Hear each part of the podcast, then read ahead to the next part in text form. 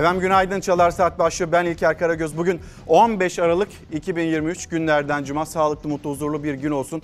Dileğimiz, temennimiz bu. Başlığımıza birazdan geçeriz. Yalnız hemen e, gecenin sıcak bir haberi var. O haberi paylaşalım. Acı bir haber. Denizde, madende göçük yaşandı. İki can kaybı var burada yaşanan göçükte.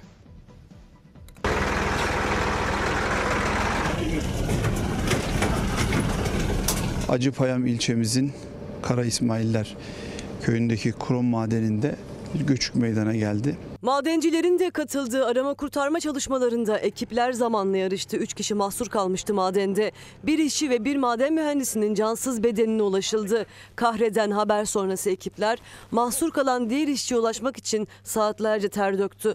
4 saatin sonunda madenci göçükten sağ çıkarıldı. Muhtar haberler etti. Geldik buraya endişeli bir şekilde bekledik. Allah'a şükür sağ salim çıktı. Yine maden, yine göçük, yine yiten hayatlar Denizli Acıpayam'da Kara İsmailler mahallesinde bulunan krom madeninde göçük meydana geldi. Bir maden mühendisi, iki işçi mahsur kaldı. İtfaiye, AFAD, jandarma ve sağlık ekipleri bölgeye koştu. Arama kurtarma çalışmalarına madenciler de dahil edildi. Tek bir ses duyabilmek için o en zor bekleyiş. Ekipler göçük altında kalan maden mühendisi Kadir Özer'le işçilerden Mustafa Karahan'ın cansız bedenine ulaştı. Maden vagonlarıyla ambulanslara taşındı cenazeleri kalabalıkların gözyaşları içinde. O andan itibaren umutlar mahsur kalan diğer maden işçisi Rıfat Salman için canlı tutuldu. Ekiplerin zamanla yarışı başladı. Madenciyle irtibat kurulmasıyla umutlar daha da yeşerdi. 1100 metre içindeydi yerin. Madenci için tüm imkanlar seferber edildi. 4 saatin sonunda iyi haber geldi. Maden işçisi Rıfat Salman göçükten sağ çıkarıldı. Rıfat Salman'ın kardeşi Himmet Salman gibi gözyaşlarıyla nefeslerini tutarak izledi sevenleri kurtarma çalışmalarını. Ev gelmeyince merak ettiydik zaten. Muhtar haberler etti. Geldik buraya. Allah'a şükür sağ salim çıktı. Acıpayam Devlet Hastanesi'nde kaldırılan maden işçisi Rıfat Salman'ın sağlık durumu iyi. Madendeki göçük için soruşturma açıldı. Çökmenin neden meydana geldiği çıkarılacak raporun ardından netleşecek. Allah rahmet eylesin. Şimdi e, yeni günde başlığımız herkes bilsin ki herkes bilsin ki biz geçinemiyoruz diyor milyonlar. Asgari ücretli de öyle, emekli de öyle. Bugün bu başlığı o yüzden belirledik. Sonra Türkiye Büyük Millet Meclisi'nde bir milletvekili kendisi Ciğer Kebap Partisi verdi ve burada kendi memleketinin lezzetlerinin de bir şekilde tadılmasını istedi. Türkiye Büyük Millet Meclisi'nde Ankara'da sonrasında işte herkes bilsin ki diyerek de bir söze başladı. Birazdan duyacaksınız zaten dinleyeceksiniz. Peki herkes bilsin ki biz bu karanlıklarda işe gitmek istemiyoruz çocuklarımızı işe göndermek istemiyoruz diyenler var. Buradaki farkındalığı yüksek tutmak da istiyoruz. Her şey değişti. Pek çok şey değişti. Pek çok karardan vazgeçildi. Bundan vazgeçilmiyor. Kalıcı yaz saati uygulamasından bir türlü vazgeçilmiyor. Alparslan Bayraktar e, bir takım veriler paylaştı. Dünyadan örnekler gösterdi. Bilim yani herkes bir kağıt var. Herkes o kağıt üzerinden bakın görüyorsunuz tasarruf yapıyoruz diyor. İşte böyle bir değerlendirmesi. E, bakarsanız e, muhalefet de onlar da başka veriler üzerinden anlatıyor bunun doğru olmadığını. Bilim ne diyor bilim? Bilim bize neyi söylüyor? Bir de oradan bakalım. Bu pencereden de baktığımızda karşımızda ortada tasarruf falan yok. Biz karanlıkta gitmeye devam ediyoruz.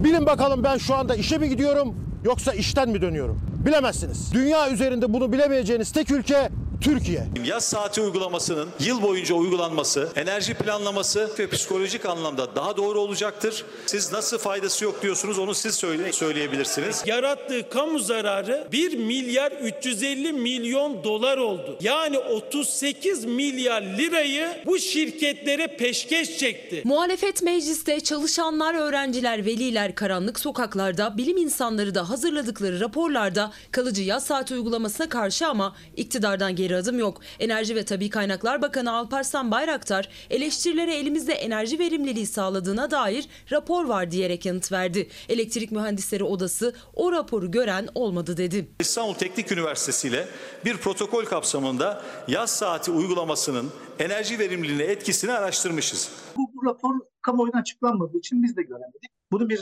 rasyonel bir tarafı yok. Dönemin Enerji Bakanı ve Cumhurbaşkanı Erdoğan'ın damadı Berat Albayrak'ın kararıyla 2016'da kalıcı yaz saat uygulaması başladığında Elektrik Mühendisleri Odası da bir rapor hazırladı. Sanayi üretiminde artış ya da mevsim normallerinin altında bir soğuk hava olmamasına rağmen elektrik tüketiminin arttığını hesapladı. Yani kalıcı yaz saat uygulaması enerji tasarrufu da sağlamadı. Tüketimden incelediğimiz zaman %6,5 kadar bir enerji tüketiminde artış oldu. Türkiye'de İstanbul'da güneş saat 8.20'de ağrıyor. Paris'te saat 8.34'te, Berlin'de yine 8.30'da güneş ağrıyor. Oralarda hiçbir problem olmuyor. Bizde neden problem oluyor anlamakta güçlük çekiyorum. Şuraya bakın. Bir biz sokaktayız bir de baskına giden özel harekat. Bakan Almanya Fransa neden güneşin geç doğuşunu sorun etmiyor biz ediyoruz anlamıyorum dedi. Açıklama Elektrik Mühendisleri Odası'ndan geldi. Çünkü Türkiye'nin o ülkelerde olmayan gün ışığından faydalanabileceği doğudan batıya geniş bir coğrafyası var. Ama buna rağmen milyonlar karanlıkta uyanmaya, işe, okula gitmeye devam ediyor. Ayşe kış aylarında Van'da sabah 8'de başlayan okuluna gitmek için sabah 7'de uyanıyor. Zeynep ise İstanbul'da yaşıyor. Gün aydınlanmadan uyanıyor. Derse başlarken güneş yeni doğmuş oluyor. Çocuklarımızın psikolojik olarak etkilenmeyeceği bir saat dilimini uygulayabilecek bir coğrafyayız. Neden siz ısrarla ülkenin en doğusundaki yeri seçiyorsunuz ki? Bilim insanlarına göre sorunun çözümü basit. İktidar kalıcı yaz saat uygulamasından vazgeçmek istemiyorsa Iğdır'a göre değil. Fatsa Ordu ya da İzmit'ten geçen Meridyen'e göre saat ayarı yapacak. Böylece nüfusun çoğunluğu da karanlık sabahlara uyanmayacak. Baba ben okula gidiyorum. Ada, Ada. Kızım bunları unutmuşsun. Gece görüş gözlüğünü almamışsın. 500 metreye kadar etkili menzili var. Gece görüş dürbünü. Ve bu kimsenin aklına gelmiyor mu? Türkiye'nin doğusuyla batısı arasında 76 dakikalık bir fark var. E, Fransa'dan, Almanya'dan örnek veriliyor. Her e, atılan adımda oradan örnek verilecekse bizler de Fransa'dan, Almanya'dan hayatın, sosyal hayatın nasıl olması gerektiğiyle ilgili örnekler verebiliriz. Peki şuradan da bakalım. Almanya'daki meridyen sayısı Yine Fransa'daki meridyen sayısı. Onu da 4 ile bir çarptığımızda ortaya ne çıkar? Ya da niye hani Iğdır üzerinden bir hesap yapılır da bilimin söylediği, işaret ettiği Türkiye'yi biraz daha ortalayacak yerden o hesap yapılmaz. Hani madem yapacaksınız öyle yapın. Dünya öyle yapıyor mu? Ya da dünya nasıl yapıyor? Biz niye burada ısrar ediyoruz? Bir düzenleme yapmamız gerekiyor. İşte hemen bir bakalım dışarıya, sokağa. Arkamda ekranda görüyorsunuz ama sokak lambalarının yandığına tanıklık ediyorsunuz. Ee, Eser Bey günaydın, Çanakkale'ye bizler de günaydın diyelim. Yani kendisi günaydın diyeceğim de hala karanlık diyor. Çanakkale'den gönderdiği mesajı bu şekilde. Şimdi devam edelim. Yine memleketten bir haber paylaşacağız. Kimyasal sızıntı e, alarmı var ve burası da Yalova. Tankerden sızan kimyasal madde trafiği de ekipleri de alarma geçirdi. Sızıntıya AFAD'ın özel ekibi müdahale etti. Yalova'dan yüklediği kimyasal maddeyle Azerbaycan'a doğru yola çıkan tanker sürücüsü Orhan Müjdeci, D100 Karayolu Bolu mevkiinde aşırı ısınmadan dolayı araçta sızıntı olduğunu fark etti. Müjdeci aracı yol kenarına çekti, kapakları açtı. Tankerden kimyasal madde içeren duman sızıntısı başladı. Olay yerine sevk edilen ekipler dumanın yükseldiği tankerin etrafında geniş güvenlik önlemi aldı.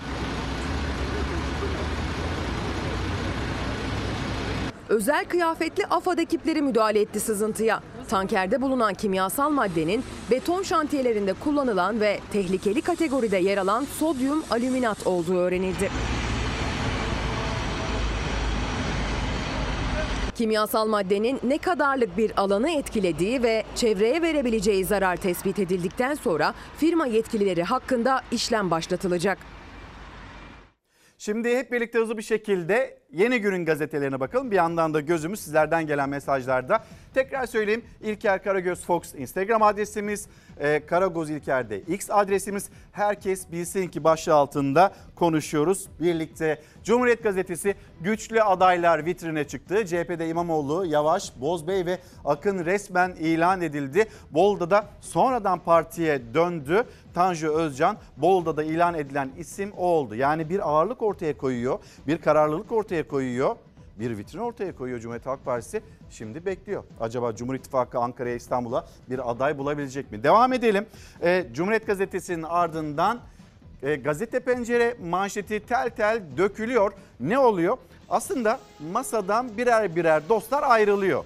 İyi Parti'de böyle bir durum var, böyle bir tablo var ve şimdi en son ayrılan isim Ece Güner. İyi Parti'nin önemli isimlerinden, önemli kurmaylarından birisi. E ben dedi dün yaptığı açıklamada ben seçmenin karşısında Mayıs'ta nasıl çıktım, neyi anlattım ya da önceki dönemlerde bu partinin bir politikası yok mu? E vardı. Onu anlattık, onu savunduk. Ben bu politikalara bakarak siyasete girdim İyi Parti'den.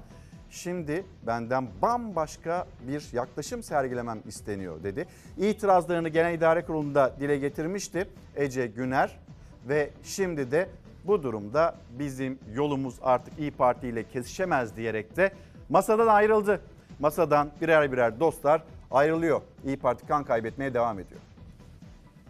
Adına ittifak dedikleri manda ve himaye tuzağına geçit vermeyeceğiz. Tavanın yani parti yönetiminin hesabı teşkilatta tutmuyor. Tam bir yaprak dökümü. İyi Parti birer birer eksiliyor. İstanbul depremi yaşanıyor. Hayırlı olsun. Çok teşekkür ederim. Evet, hayır Genel İdare Kurulu'ndan çıkan işbirliğine hayır kararı beraberinde istifa ve görevden almaları getirdi. En azından İstanbul ve Ankara'da işbirliği için mücadele ettim ve GİK toplantısında bu yönde güçlü şekilde söz almış, cesaretle mücadele etmiş az sayıda kişiden biriyim. Çıkan kararı savunamayacağımı düşünerek yapabileceğim tek şey saygı duymak ve istifa etmektir. Genel Başkan Yardımcısı Ece Güner oyları bölersek İstanbul'u AK Parti'nin adayı kazanacaktır. Tek bir oy bile fire vermeden Ekrem İmamoğlu'nun yeniden kazanmasını desteklemeliyiz diyerek istifa etti. Bir simülasyonla Genel İdare Kurulu'nda işbirliği olmazsa sonucun ne olacağını anlatan İyi Parti'nin ancak bir ilçede belediye kazanabileceğini söyleyen yani işbirliği diyen 14 kişiden birisi olan Ahmet Zeki Üçok Akşener onu da görevden aldı. Bizim için de vakit artık ayağa kalkma vaktidir. Başkasının sevabına da günahına da ortak olmadan özü başımıza hür ve müstakil olarak vereceğiz. Özü başına hür ve müstakil olarak seçimlere gireceğini söyledi. İyi Parti Ankara ve İstanbul kararını gözden geçirir mi? Teşkilatla tavan yani teşkilatla genel merkez arasında ciddi bir kopukluk var teşkilatı dinlemeyen, teşkilatın taleplerini görmeyen bir yaklaşım sergileniyor aslında İyi Parti genel merkezinde.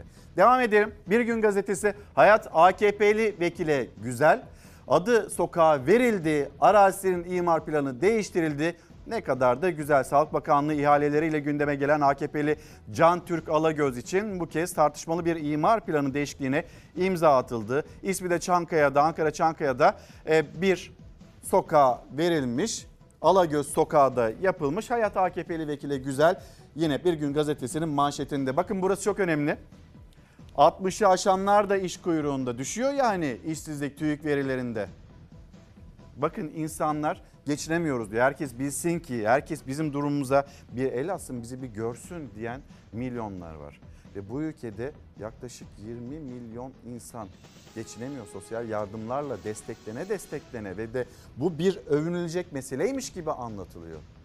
Herkes bilsin ki bu ülkede yoksulluk var, açlık var. Açlık sınırının altında yaşayan emekliler var. Kenan Evren döneminde bile biz bunu görmedik diyen insanlar var. Bugün gazetelerin manşetlerinde yer alıyor. 60 yaşanlarda iş kuyruğunda. Peki Türkiye Büyük Millet Meclisi onlar da geçinemiyor milletvekilleri de. Onları da geçinemediğine tanıklık ediyoruz. Meclise gideceğiz. O kebap partisi üzerinden meclise gideceğiz. Bugün e, bir parti daha düzenlenecekti. Yani Bursa'dan bir lezzet daha gelecekti. O lezzetin de ne olacağını söyleyelim. Tabi dolaba kaldırıldı. Bazı konular çalışan emeklinin 5 bin lirası nasıl rafta bekliyorsa burada da e, o lezzetin dolaba kaldırıldığını söyleyelim. Ne olduğunu da birazdan konuşalım. Karar Gazetesi her şey 2 saatte bitti. Bir tutanak krizi yaşanıyor. Olay yerine gelen polisler onların tuttuğu tutanakla görüntü birbirini tutmuyor. Bir acılı eşi burada ağırladık çalar saatte konuştuk kendisiyle Özdur Hanım'la Özdur Göçer'le motokurye Göçer'in ölümüne yol açan Somali Cumhurbaşkanı'nın oğlu göz göre göre kaçınca kamuoyu vicdanı ayağa kalktı. Allah'tan kamuoyu vicdanı ayağa kalktı. Yoksa bir tutanağa bakılacaktı, konu kapanacaktı. Somali Cumhurbaşkanı'nın oğlu da hayatına bir vicdan muhasebesi de bilemiyoruz belki de yapmadan devam edecekti. İşte dosyadan yansıyan detaylar onları da birazdan Karar Gazetesi'nden okuruz. Soruluyor memlekette yetkililere ne olacak bu rapor yeniden böyle işte bir düzenlenmesi gerekmez mi vesaire. Somali Cumhurbaşkanı'nın oğlu memleketten kaçtıktan sonra bekleyin de rapor gelsin.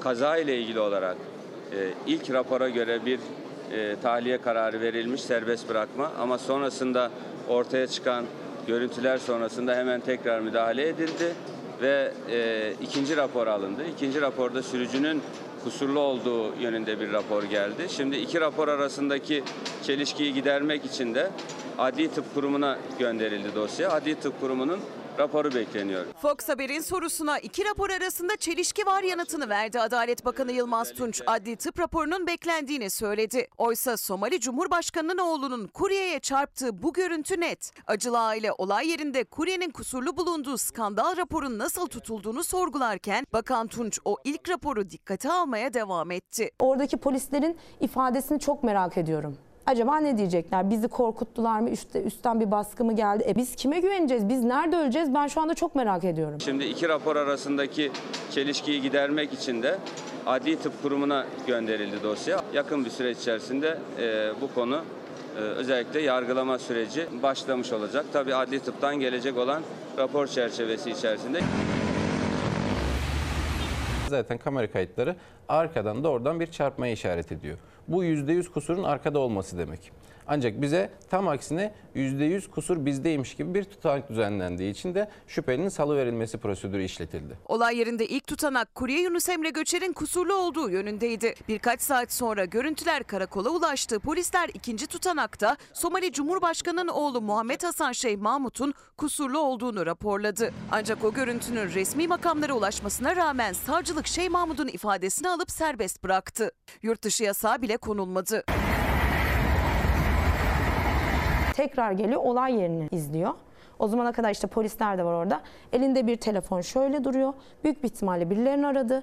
İşte ben böyle bir kaza yaptım. Lütfen durdurun diye. Çalar Saat'te İlker Karagöz'ün konu olan kuryenin eşi Öznur Göçer konsolosluk aracıyla eşinin ölümüne sebep olan Şeyh Mahmut'un göz göre göre Türkiye'den kaçtığını savunuyor. Savcı da dahil tüm sorumlulardan şikayetçi oldu. Kaçan Somalili'nin Türkiye'ye getirilip getirilmeyeceği ilerleyen günlerde adli tıp raporu sonucunda belli olacak. Kurye Yunus Emre Göçer'in ailesi ve avukatı ise dosyadaki eksikliklere dikkat çekiyor. Kaza anının görüntüsünü İstanbul Büyükşehir Belediyesi hızla paylaşmıştı aileyle. Ancak öncesine dair görüntüler Avrasya Tüneli'nin içinden yani görüntüler Ulaştırma Bakanlığı'nda. O görüntüler hala aileyle ve avukatlarıyla paylaşılmadı. Nerede peki bu kişi? Somali Cumhurbaşkanı'nın oğlu nerede? Türkiye'den elini kolunu sallaya sallaya kaçmayı başaran kişi nerede? Babası ne diyor? İşi vardı dönecek. Olur mu öyle şey? Vicdanlıdır benim oğlum. Gelecek Türkiye'ye yargılanacak diyor. Göreceğiz. Ee, Hürriyet gazetesi manşeti Mahmut telefonu. Bakalım kendisine. Adalet Bakanı Tunç motokurye Yunus Emre Göçer'e e, arkadan çarparak ölümüne neden olan Somali Cumhurbaşkanı'nın oğlu Mahmut için bizzat devreye girdiğini söyledi. Mahmut'un Türkiye'ye gelip mahkemeye çıkacağını açıkladı. Aslında iddia etti de denilebilir. Sonra Milliyet gazetesi akademide hile var, hile var manşetinde. Hocam otur sıfır kimi akademisyenler makalelerini para karşılığında yazdırıyor. Hadi ya gerçekten mi? Şimdi mi fark edildi bu? 5 dergide yayınlanma garantisiyle doçentlik paketi hizmeti veren şirketler bile var. Bakın sarı sayfalardan bulursunuz zaten onu. E, Milliyet gazetesinin manşeti. Mesela bunu manşet yaparken acaba bu ülkede denklik meselesi, denklik mağduriyeti yaşayan gençler var. Onlar da akla gelir mi? Gönderdiğiniz çocukları yurt dışında okudular dünyalar kadar emek. Sonra para harcandı. Çocuklar mezun oldu, diplomalarıyla geldi. Giderlerken o okulun denkliği vardı. Geldiklerinde artık biz orayı tanımıyoruz deniliverdi. Bu çocuklar ne olacak? Bu da YÖK'ün bir gündemine gelir mi acaba? Hatırlatmış olalım. Şimdi devam edelim. Türkiye Büyük Millet Meclisi'ne geri döneceğiz. Saadet Partili milletvekili Hasan Bitmez ve Hasan Bitmez'in Türkiye Büyük Millet Meclisi'nde kürsüde son sözü Filistin oldu. Son sözü Gazze oldu. Bugün gözyaşlarıyla, dualarla sonsuzluğa uğurlanacak. Bugün Hasan Bitmez'in doğum günü. Hepinizi saygıyla selamlıyorum. Kocaeli milletvekilimiz Hasan Bitmez kurtarılamayarak vefat etti. Nadir bulunan insanlardan birisidir. Bundan emin olun. Davasına da sadıktır. Tam bir vazife ifa ederken ruhunu teslim etmesi de bunun bir nişanesidir. Meclis kürsüsünde konuşmasının bitiminde kürsüden ayrılacağı anda geçirdiği kalp krizi sonrası fenalaşarak yere düşen milletvekillerinin ilk müdahalesi sonrası hastaneye kaldırılan Saadet Partisi Kocaeli Milletvekili Hasan Bitmez verdiği yaşam savaşını kaybetti. İki gündür umutlu haber bekleyen milletvekilleri acı haberle sarsıldı. Vefat haberini büyük bir teessürle öğrenmiş bulunuyoruz. Bu ölümün de Türkiye Büyük Millet Meclisi'nde her birimize bir ders olmasını, fikirlerin çarpışmasından hakikat şimşeğe doğacağını unutmadan işler yapmamızı Allah'tan niyaz ediyorum. Her ölüm bizim için bir ders olsun. AK Parti grubu olarak Allah'tan rahmet diliyoruz. Rabbim mekanını cennet eylesin. Siz İsrail'in suç ortağısınız. Elinizde Filistinlilerin kanı var. İşbirlikçisiniz. İsrail'in Gazze'ye attığı her bombada katkınız var. Allah'ın gazabından kurtulamayacaksınız. Genel kurul acı haberi alır almaz bütçe görüşmelerine ara verdi. Meclisin salonları vekilin ailesine taziye için açıldı. Bitmez için ilk tören de görev yaptığı meclisteydi. Tek bir sesleri ve Filistin bayraklarıyla uğurlandı. Siyasiler tören için yerlerini alırken bir koruma protokol krizine neden oldu. Cumhurbaşkanı yardımcısı Cevdet Yılmaz için yer tutan koruma Özgür Özel'in yerini almasına engel çıkarınca sinirler gerildi. Özgür Özel'in sert tepkisini arka sıradaki MHP Grup Başkan Vekili Levent Bülbül'ün de korumaya sözlü uyarısı izledi. Koruma geri adım attı.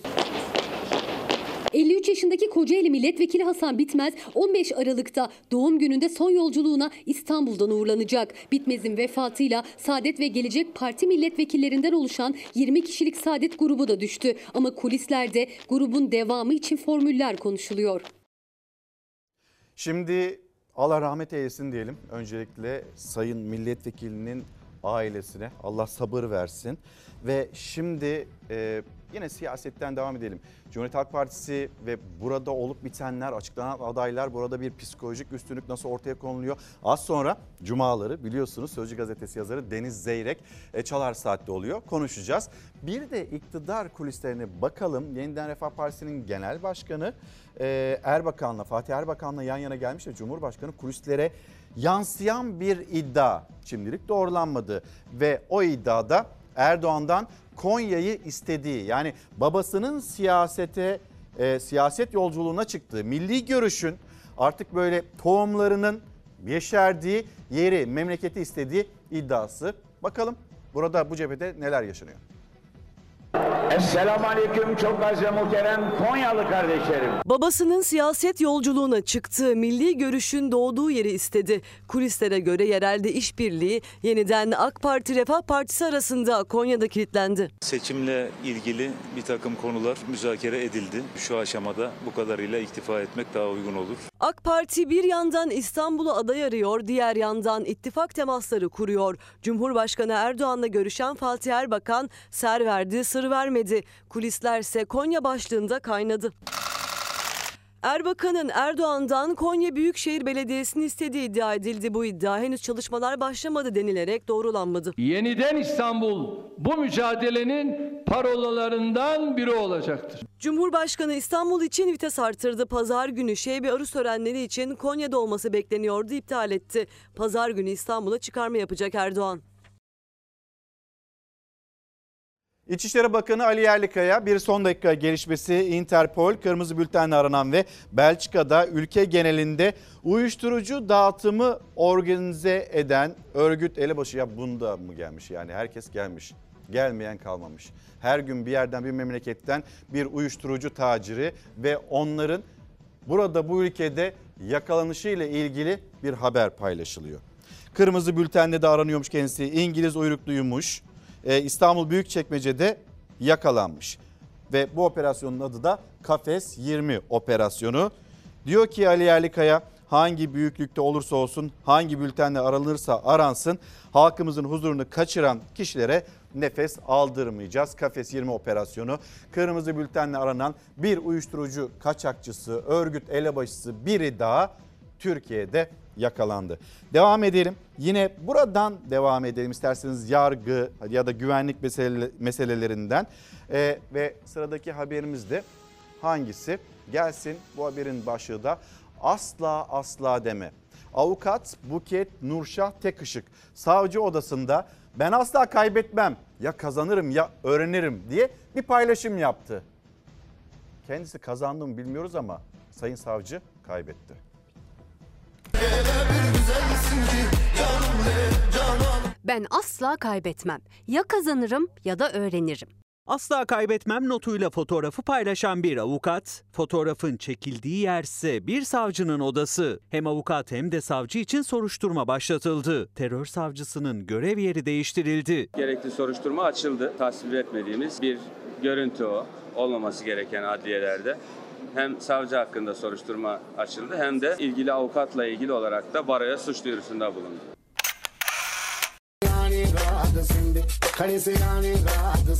Lüks yaşantısıyla ve adliye koridorlarında çektirdiği bu fotoğraflarla tanınan avukat Buket Nurşah Tekışık bu kez Çağlayan'daki İstanbul Adliyesi'nde bir terör savcısının odasından fotoğraf paylaştı. Rahatlığıyla ve fotoğrafın altına yazdığı mesajla tepki çekti. Ben asla kaybetmem. Ya kazanırım ya da öğrenirim. Avukat Buket Nurşah Tekışık bu kareyi hatıra fotoğrafı olarak savundu. Benim çektirdiğim fotoğraf bir hatıra fotoğrafı gibi. O sırada savcı odasında değildi. Biz oda boşken bu fotoğrafı çektirdik. O fotoğrafın altında paylaştığım söz de bir kitap sözü. Bir avukatın savcının odasına giremez diye bir kanun varsa siz söyleyin. Savcının odasına istediğim gibi girer, istediğim gibi çıkarım. Bu tür görüntülerle yargının da yıpratılmasına müsaade edemeyiz. Adliyeyi karıştıran paylaşımın ardından odanın sahibi olan savcının görev yeri değiştirildi. Hem savcı hem de avukat hakkında soruşturma başlatıldı.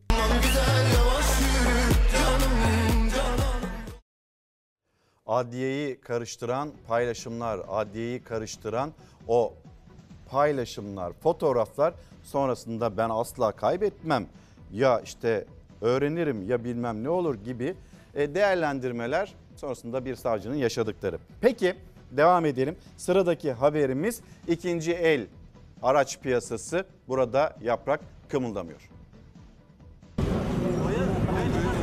Yaklaşık 4,5-5 aydan beri telefonlarımız ötmüyor.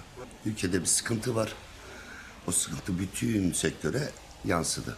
Geçen hafta 400 bine yazılan araç şu anda 380'e 370'e düştürdüğü halde araç şu anda gitmiyor. 6 ay ve 6 bin kilometre sınırlaması, kredi faizlerindeki yüksek oran, ikinci el oto fiyatlarını geriletti. Milyonluk araç satışı durdu. Şu anda 400, 500, 600.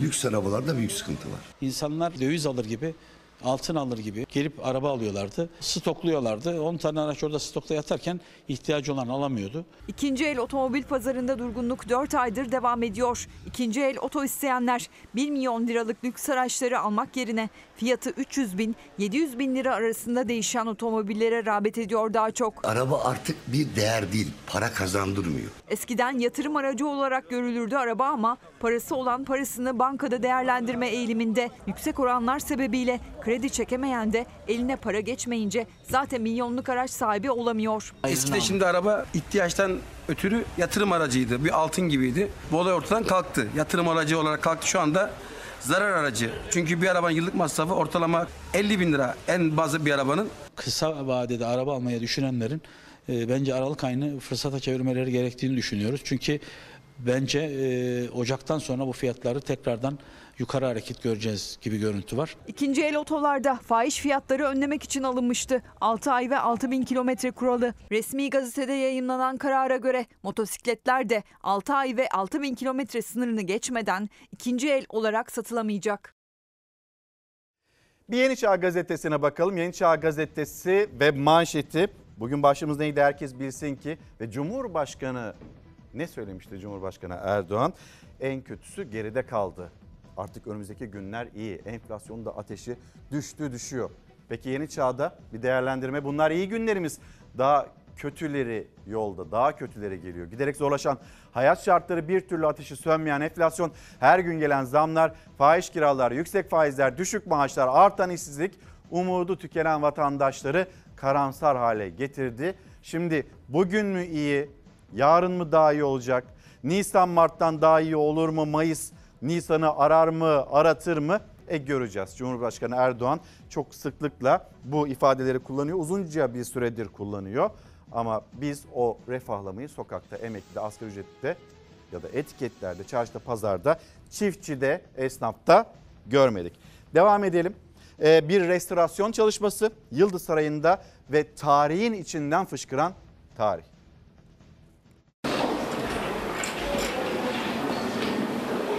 Tamamı sıvalar ve boyalar altında olan bu odalar e, ki burası yaklaşık 90 odalı büyük bir saray yapısıdır. E, altından çok ciddi tarihi mirasın korunması yönünde çok önemli bulgulara ulaştık. Boyalar, sıvalar titizlikle temizlendi. Altından tarihi miras çıktı. Yıldız Sarayı'nın iç duvarlarında 19. yüzyıla ait çizimler bulundu.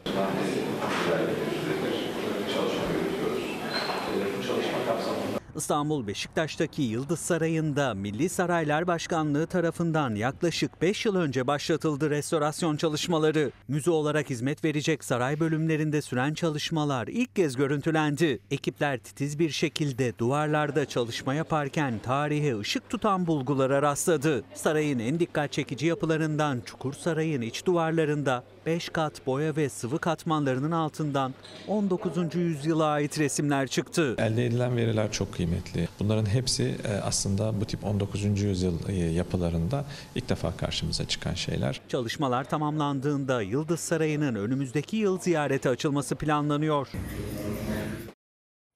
Bir kitap göstereyim sonrasında hızlı bir molaya gidelim. Doçent Doktor Gürsel Özkan, Danıştay üyesi kendisi. Yargıya güven sorunu böyle bir çalışması var ve bizimle de paylaşmış. Teşekkür ederiz. Yargıya güven sorunu Gürsel Özkan, doçent doktor. Ve e, hemen gidelim gelelim reklamlara. Döndüğümüzde hem daha konuşacağımız konular var hem de dünyanın notlarını getireceğiz ekranlarınıza. Dünyayı konuşacağız. Memleketle bağlantısını sağlayacağız. Asgari ücreti konuşacağız, emekliliğin halini konuşacağız, çarşı pazara gireceğiz. Siyaset kulislerine Deniz Zeyrek'te bir bakacağız. Sonra mecliste bir duman yükseldi, kebap dumanı. Onu da konuşacağız. Molanın ardından. Günaydın. Devam ediyoruz Çalar Saat'te Türkiye'nin dikkat kesildiği bir başka konuydu. Yeşil sahalar ve yeşil sahalardaki o şiddet olayı. Bir hakemin yumruklanması, bir hakemin tekmelenmesi sahanın ortasında dünyaya rezil olmuştuk. Tabi burada da bir dava süreci işliyor.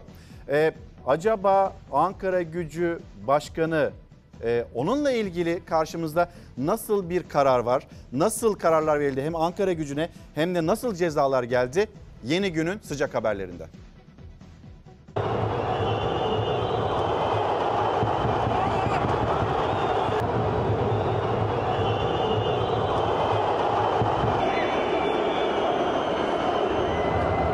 Maç biter bitmez koşarak sahaya girdi. Hakem Halil Umut Meler'e yumruk attı. Aldığı yumruk darbesiyle yere yığılan hakeme yerdeyken de saldırı devam etti. Ankara Gücü Başkanı ile birlikte sahaya girenler hakkında iddianame hazırlandı. Faruk Koca için 3 suçtan toplam 13 yıla kadar hapis cezası istendi. Nefes kesen maç bitiyor. Türk futbolu en karanlık gecelerinden birini yaşadı. Ankara gücü Çaykur Rizespor maçının bitiş düdüğünün çaldığı anda Ankara gücü başkanı Faruk Koca sahaya girdi. Yanında birkaç kişi daha vardı. Yumruklu tekmeli saldırıyı o an canlı yayında milyonlar izledi.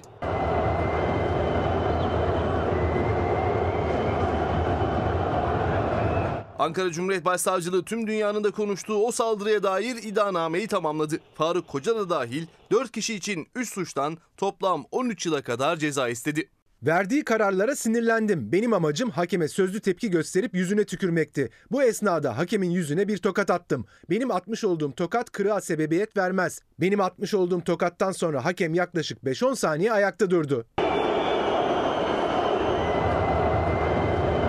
Faruk Koca tüm hakem arkadaşlarımla bana sizi bitireceğim dedi. Bana hitaben seni öldüreceğim dedi. Kocadan ve diğer şahıslardan şikayetçiyim. Kişiyi yerine getirdiği kamu görevi nedeniyle spor alanında kemik kırığı oluşturacak şekilde kasten yaralama suçundan 3 yıl 4 aydan 10 yıl 1 ay 15 güne tehdit suçundan 6 aydan 2 yıla kadar, sporda şiddet ve düzensizliğin önlenmesine dair kanuna aykırılık suçundansa 3 aydan 1 yıla kadar toplamda 13 yıla kadar hapis cezası istedi savcılık. Böyle bir şeyi görmek, izlemek bizi ciddi manada üzdü. İlgili arkadaşlarımıza da gerekli olan neyse bunu süratle yapmamızın gereğini söyledik. Profesyonel Futbol Disiplin Kurulu da yaşanan saldırı sonrası aldığı kararları açıkladı. Faruk Koca futboldan ömür boyu men edildi. Ankara gücüne ise 5 maç seyircisiz oynama ve 2 milyon lira idari para cezası verildi. Yunus Emre Göçer ve onun ölümüne sebebiyet veren Somali Cumhurbaşkanı'nın oğlu Türkiye'ye gelecek mi gelmeyecek mi? Neden gitti ayrıldı Türkiye'den? Somali Cumhurbaşkanı konuştu. İşi vardı dönecek dedi. Biz Somali adli makamlarıyla da görüşmeleri gerçekleştirdik. Bu anlamda önümüzdeki günlerde de sanığın Türkiye'ye gelmesi ve bu konuda yargılama sürecine katılması söz konusu olacak. Büyük iş başarmış. Adalet Bakanı milletin gazını almaya çalışıyor. Tepki var vatandaşta.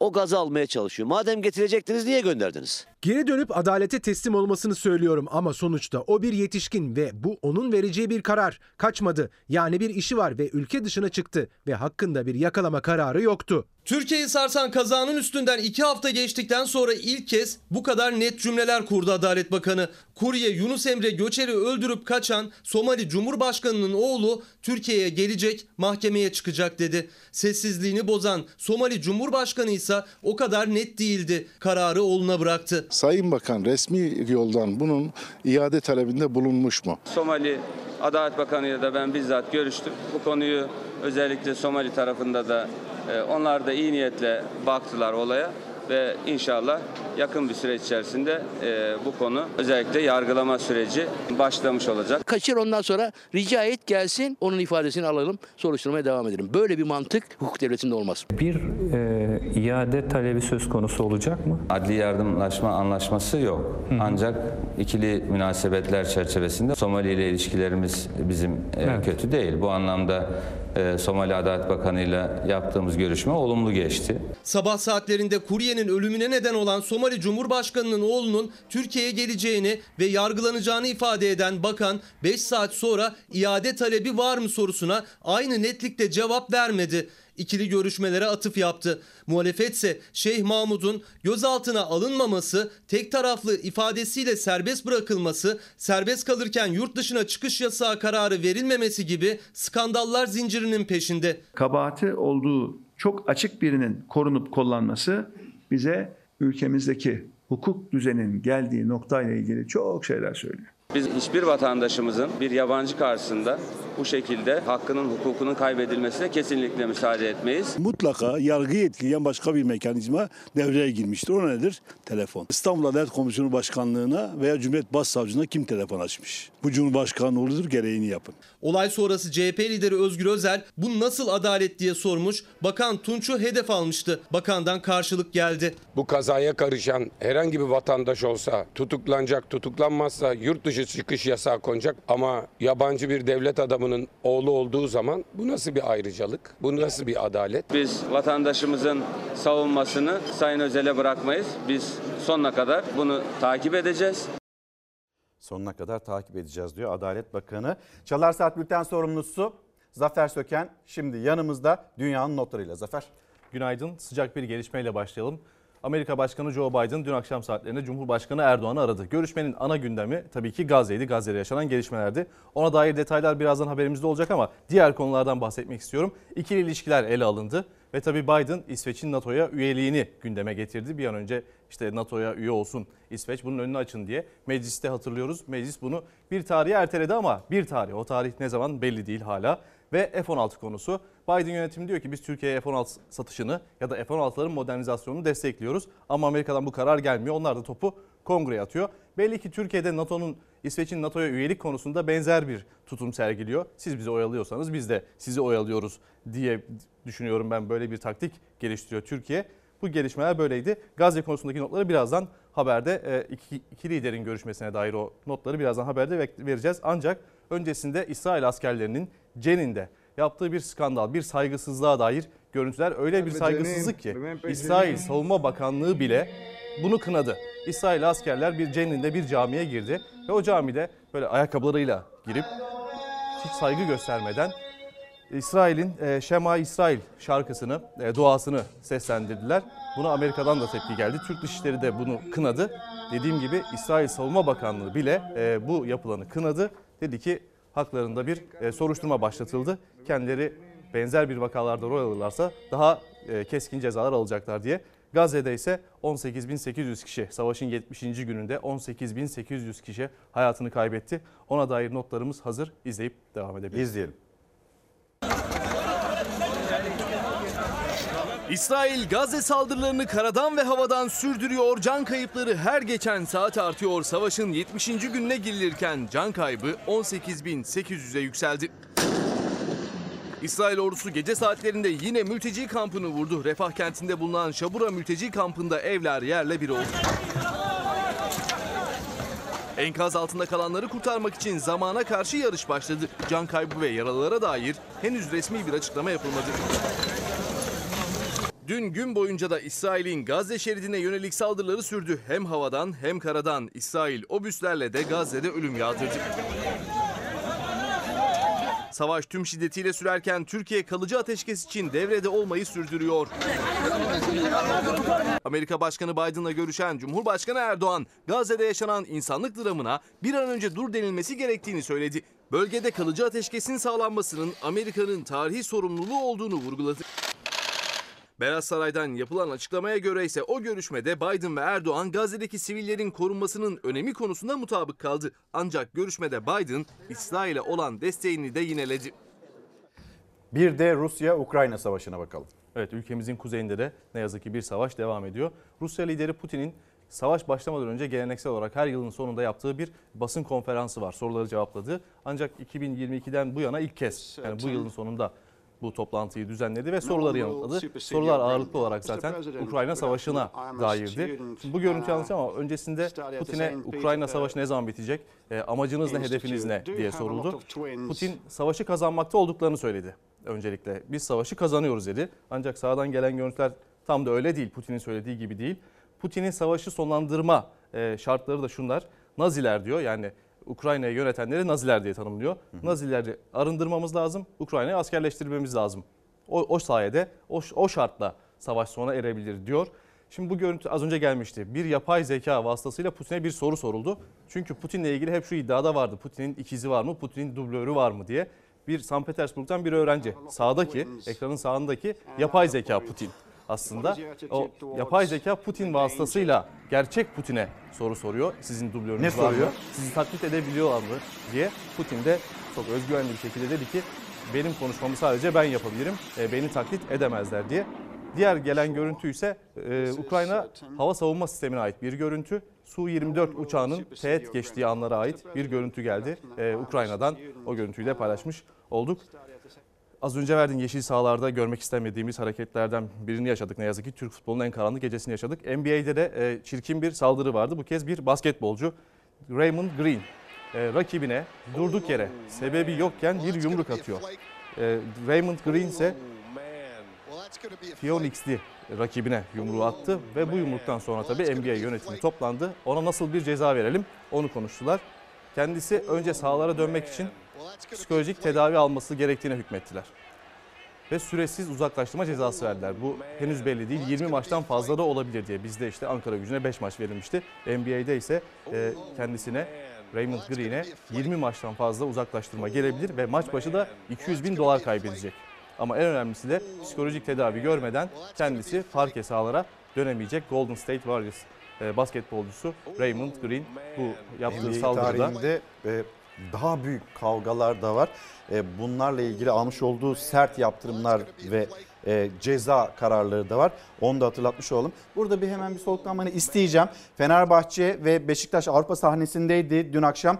Fenerbahçe fark atarak kazandı. Gruptan da lider olarak çıktı. E, görüyorsunuz sizler de 4-0'lık bir galibiyet yönünü yolunu Atina'ya çevirdi. Konfederasyon Kupası'nda e, finalde olmak istiyor ve kupayı da kazanmak istiyor Sarı lacivertler. Maç sonrasına gidelim bir dinleyelim yapılan açıklamaları. Biz maçı kazandığımız zaman gruptan her türlü çıkacağımızı biliyorduk.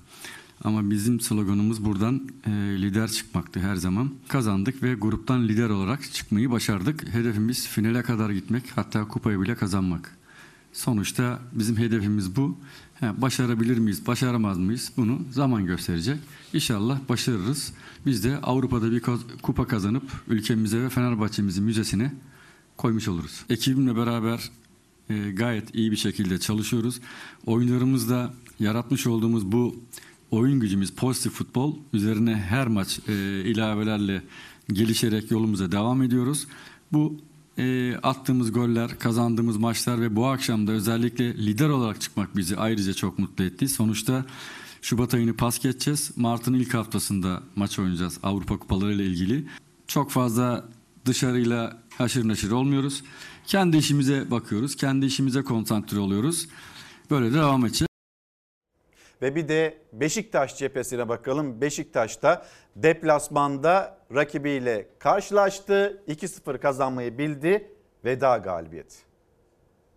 İddiamız yok e, burada maça gelirken ama e, bir iddiamız vardı. Kazanmamız gerekiyordu bu maçı. Bir moral açısından her açıdan e, kazanmamız gerekiyordu. Ve maça başladığımız gibi disiplinli şekilde disiplinli bir şekilde de e, maçı tamamladık. Oynattığımız genç arkadaşlarımız vardı. Hepsi de istediğimizin en güzel şeylerini yaptılar. Bu kadar genç oyuncuyu oyn, oynattığını hiç görmedim Beşiktaş'ın. Hem de Avrupa Kupa maçında. Ben onu göze aldım. Her şeyi göze aldım. Yani mağlup da olabilirdik.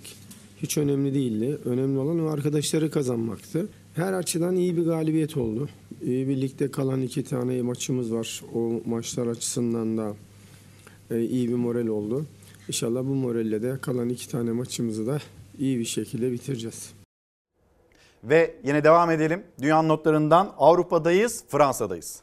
Fransız çiftçilerin e, vergi protestoları devam ediyor. Daha önce de çok kez ekrana getirdik. Fransız çiftçilerin yaratıcı protestolarını ekrana getiriyoruz.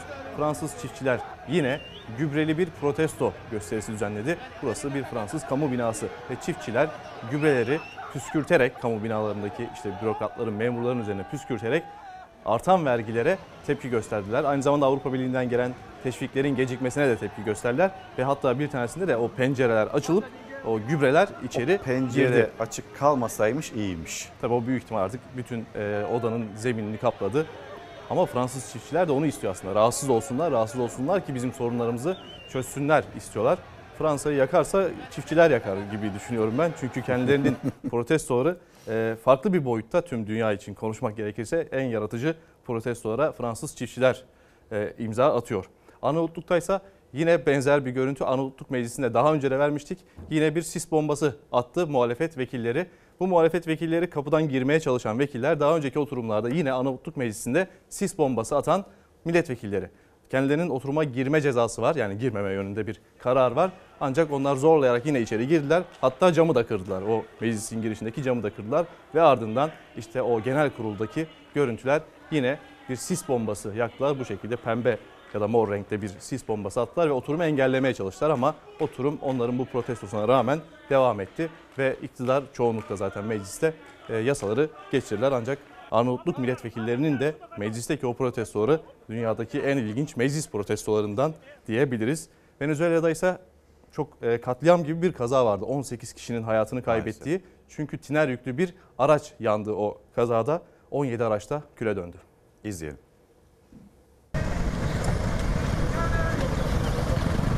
Tiner yüklü kamyon katliam gibi kazaya neden oldu. Kaza sonrası 20'ye yakın araç alev topuna döndü. 18 kişi hayatını kaybetti, 14 kişi yaralandı.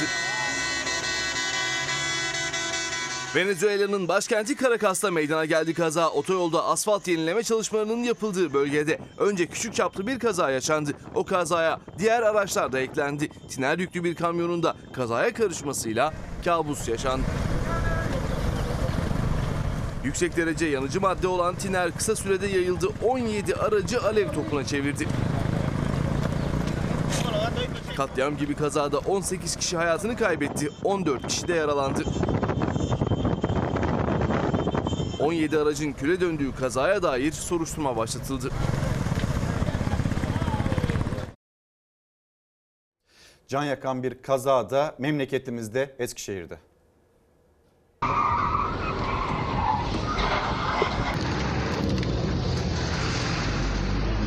Bu kaza değil bir cinayettir. Tramvay yoluna girdi, saatte 95 kilometre hızla lise öğrencisine çarptı. 17 yaşındaki Kader Yürük hayatını kaybetti. O sürücünün aldığı ceza 6 yıl 10 ay 15 gün hapis oldu. Mahkeme sürücüye iyi hal indirimi uyguladı. Tramvay yolundan 95 kilometre hızla girerek kızımı katletti. Frene dahi basmadı. Benim kızım 17 yaşında gencecikti, katledildi. Eskişehir'de 29 Mart'ta yaşandı kaza. 20 yaşındaki sürücü Berkay Ergün hızla tramvay yoluna girdi. O sırada 17 yaşındaki Kader Yürük yaya geçidinden karşıya geçiyordu. Aracı fark ettiğinde artık çok geçti. Kader çarpmanın etkisiyle metrelerce havaya fırladı. Olay yerinde hayatını kaybetti. Mahkemede verilen karar 6 yıl 10 ay ceza aldı. İhal indirimi uygulanarak 6 yıl 10 ay 15 gün hapis cezası verildi sürücü Berkay Ergün'e. Acılı aile ise karara itiraz etti. Sanık eylemini olası kasla işlemiştir. Biz mahkeme kararına saygı duyuyoruz ancak katılmamız mümkün değildir. 17 yaşında gencecik bir hayat. Şimdi Brezilya. Yine gencecik bir insanın ölümüyle ne yazık ki devam edeceğiz. Brezilya'da 30 yaşındaki Pedro Henrique, kendisi sanatçı, sahnede şarkı söylerken birden fenalaşıyor ve yere düşüyor.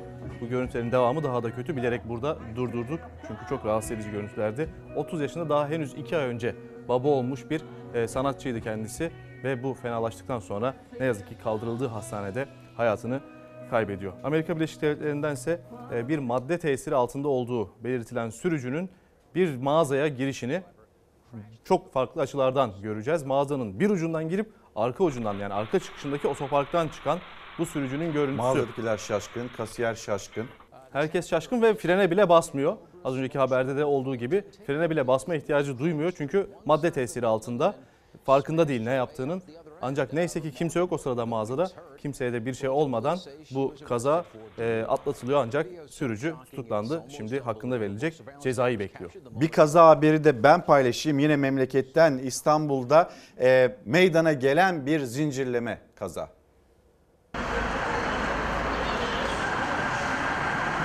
İETT otobüsünün kamerası kazayı kaydetti. Makas atarak ilerleyen bir otomobil 5 kişinin yaralandığı 7 aracın zarar gördüğü zincirleme kazaya sebep oldu.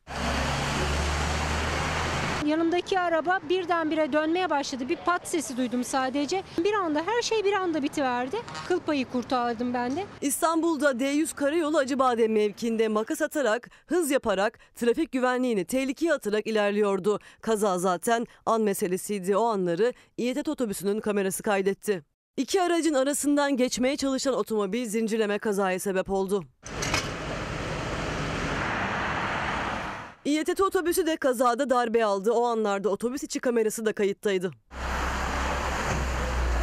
5 kişi yaralandı kazada. Sağlık ekiplerince ambulanslarla hastaneye taşındılar. Kazayla ilgili soruşturma sürüyor. Aydın'ın Söke ilçesinde teslimattaki kurye motoruna doğru yürüdüğü sırada hızla gelen başka bir kuryenin çarpmasıyla savruldu. Kaza anı saniye saniye güvenlik kamerasındaydı. Sağ şeritten hızla seyir halinde olan kurye karşıdan karşıya geçmekte olan başka bir kuryeye böyle çarptı. İkisi de yaralandı kazada. Motor üstündeki kuryenin durumu iyi. Çarptığı kuryenin ise durumu ağır. Şimdi bir hırsızlık haberi. Çalınan ne? Yılbaşı ağacı, yıl, yani süslenmek üzere o plastik ağaçlardan biri. Yılbaşı gelince e, orada tabii daha fazla kutlanıyor. Türkiye'den daha fazla kutlanıyor. Bir adam evine yılbaşı ağacını götürecek aracının da üst kısmına yüklemiş sarmış. Arabasını otoparka bırakıp alışverişe gidiyor. Ancak hırsızlar o onun yılbaşı ağacını gözüne kestirmiş. Geliyor böyle e, bir maket bıçağı vasıtasıyla ağaca bağladığı o ipleri kesiyor ve ardından gidiyor. Yani herkesin göz önünde gündüz vakti güpe gündüz yılbaşı ağacını çalmış. Herhalde ihtiyacı vardı ki böyle bir Ya e, arabasına hırsızlığa- bakınca hiç ihtiyacı varmış gibi de durmuyor ama. Ama şöyle oradaki araba fiyatları tabii bizdeki gibi değil. Yani orada herkes daha çabuk daha kolay ulaşabiliyor. Çünkü bizde arabadan daha fazla vergi ödüyoruz. O da bir ne yazık ki bir gerçek. Onu da bir not olarak e, paylaşmak isteyeyim. Ya öyle de yine de hani o yanaşan araca bakınca ya onu alabiliyorsun yılbaşı ağacında alırsın gibi hissettiriyor. Ya Kleptomani yani. olmasın böyle bir ya da bir ne bileyim ya. Ya Neyse hırs- devam yani edelim. Hırsızlığın bir savunulacak bir yanı yok, Yok. Tabii Nasrettin Hoca'nın dediği gibi hırsızlığın hiçbir suçu yok. Tabii ki var yani en büyük suç zaten onda. Meksika'ya geçelim yine Amerika kıtasında kalarak. Meksika Ekim ayında otis kasırgası vurmuştu Meksika'yı. Yüze yakın insanda hayatını kaybetmişti. Özellikle Acapulco kentinde. Hmm. Acapulco'nun Oo. hala ayakta olduğunu göstermek için Meksika Kültür Bakanlığı'nın düzenlediği bir gösteri bu. Bunların hepsi de profesyonel dalışçılar. O yüzden evde denemeye yazık. Tam ekran Çünkü- görelim mi Hilal bunu? Önce 3 kişi bir kayalıklardan atlıyor. Bu 3 kişinin üzerinde kırmızı, beyaz ve yeşil renkleri görüyoruz. Onlar Meksika'nın bayrağının renkleri. Ardından bir başka kişi e, suyun içindeki alevlere yani suda yanan alevlere atlıyor. Tekrar söylüyorum bunların hepsi profesyonel göstericiler ve dalışçılar suyun içindeki alevlere atlıyor. Yani bunu biz yapamayız. Bu kişi de yanmayan bir kıyafet giyiyor. O yüzden sırtında alevler olduğunu görüyoruz ve o da e, suya atlayarak o alevlerin söndüğüne e, şahit oluyoruz. Meksika'da Meksika Kültür Bakanlığı'nın paylaştığı bu görüntülerde de Acapulco hala ayakta. Otis kasırgası evet bu kenti vurdu ama biz bu kenti unutmayalım diye düzenledikleri bir etkinliğin görüntüsü bu. Meksika'dan gelen görüntü. Amerika Birleşik Devletleri'nde ise bir yıldırım düşme anı vardı ve bir kişiyi unuttuğu cüzdan kurtardı. Nasıl? Görüntüleri haberde izleyelim. Bakalım.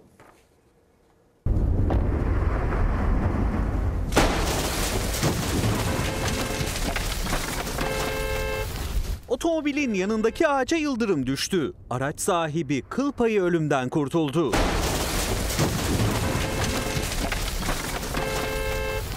Avustralya'da yaşandı korkunç olay. Araç sahibi yol kenarındaki bir ağacın yanına park etti. Alışveriş yaptıktan sonra paketleri otomobiline yerleştirdi. Bu sırada cüzdanını unuttuğunu fark edince dükkana koştu. O gider gitmez ağaca yıldırım isabet etti.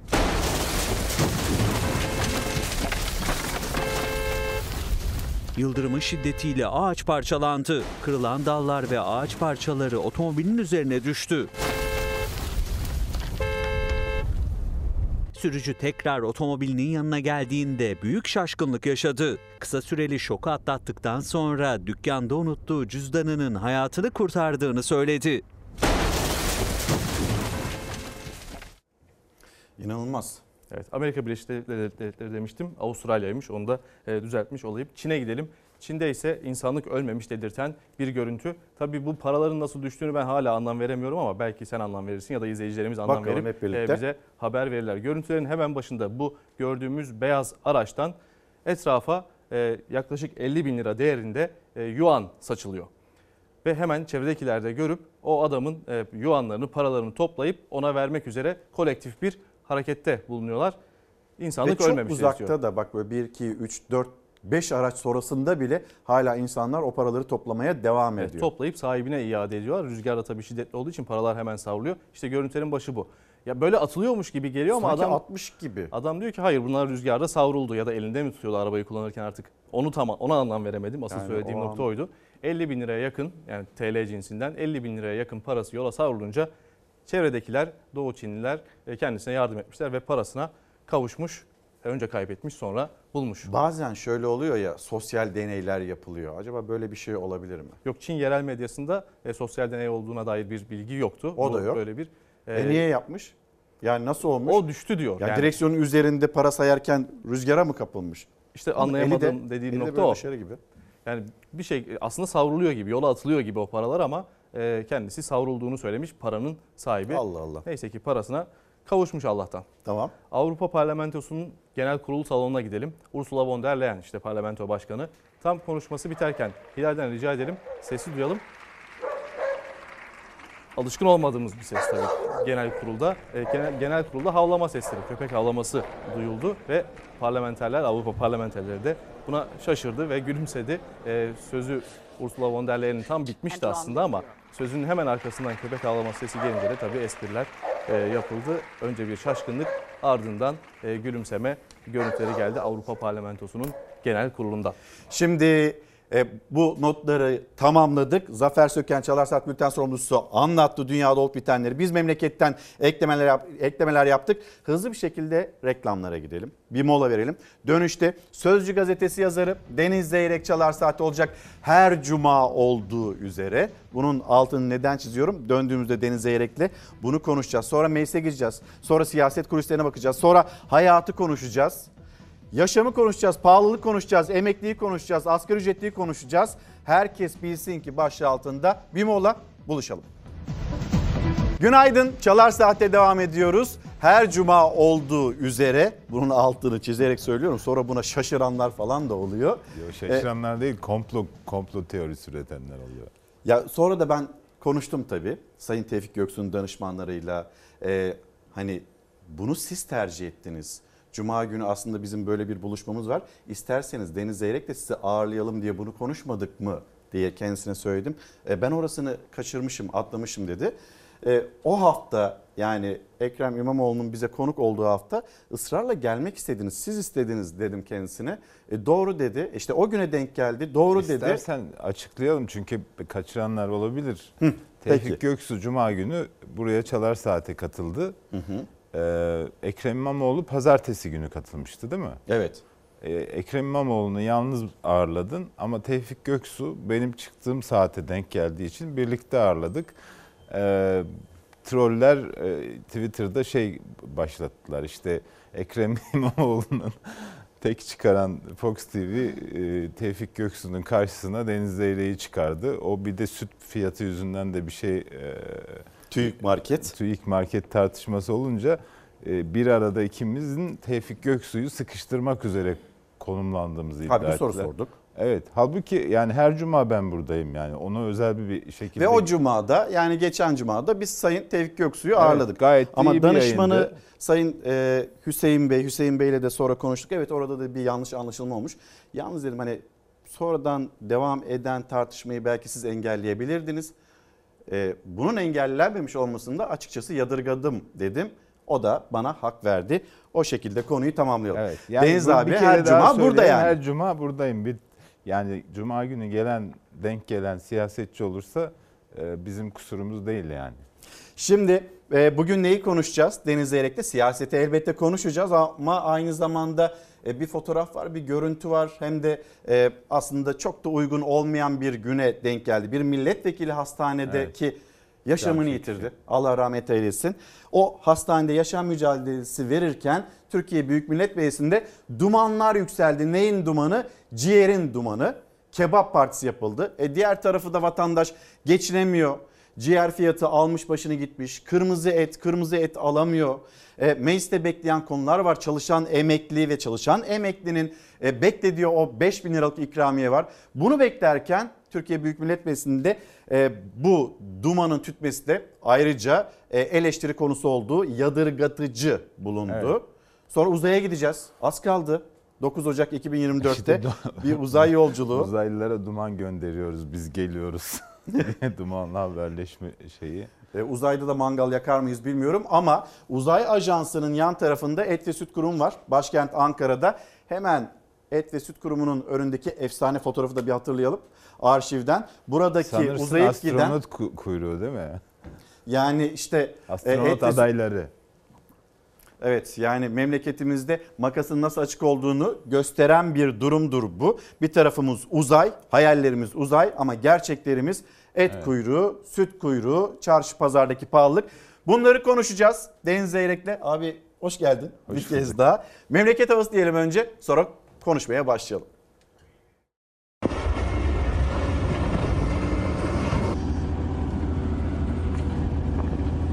Yurdun doğusundan karla mücadele görüntüleri sonunda gelmeye başladı.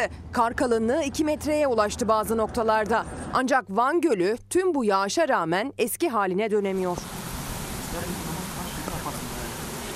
Barajlardan sevindirici haberler geliyor ancak doğal su kaynaklarında durum aynı değil. Bir iç deniz olarak da kabul edilen Van Gölü küçüldükçe küçüldü yıllar içinde. İskele aynı iskele, fotoğrafı çeken kişi aynı ancak Van Gölü artık aynı göl değil. İşte 15 yıl içindeki değişim. Yurt genelinde sonbahar yağışları önce gelmek bilmedi ardından yağışlar kurak geçen dönemi telafi edemedi. Doğuda kar yağışı gecikti. Doğunun soğuk karakterli yüksek rakımlı bölgelerinde var kar ancak. Örneğin Şırnak Beytüşebap'ta kar kalınlığı yer yer 2 metreye çıktı. Benzer şekilde Hakkari Yüksekova'da da kar insan boyuna yaklaştı. Yağış nedeniyle 6 köy, 12 mezra ve bazı askeri üst bölgelerinin yolu ulaşıma kapandı. Doğuda geç gelen kar şimdilik sadece en yükseklerde kendini gösteriyor. Hafta sonundaysa soğuma ve kuvvetli sağanak yağış ve fırtına bugünden başlayacak batıda. Marmara ve Kuzey Ege'de kuvvetli sağanak yağışa kuzeyli soğuk esen fırtına eşlik edecek. Bugün önce Trakya ve Çanakkale ardından kademe kademe tüm Marmara kuvvetli yağışın etkisine girecek. İstanbul Avrupa yakasında bugün kuvvetli sağanak yağışa dikkat. Akşamdan itibaren Anadolu yakası da sağanakların etkisine girecek. Cuma'dan cumartesiye geçerken tüm Ege ve Marmara sağanak yağış ve fırtına riski altında. Gece Trakya'da yer yer kar ve karla karışık yağabilir.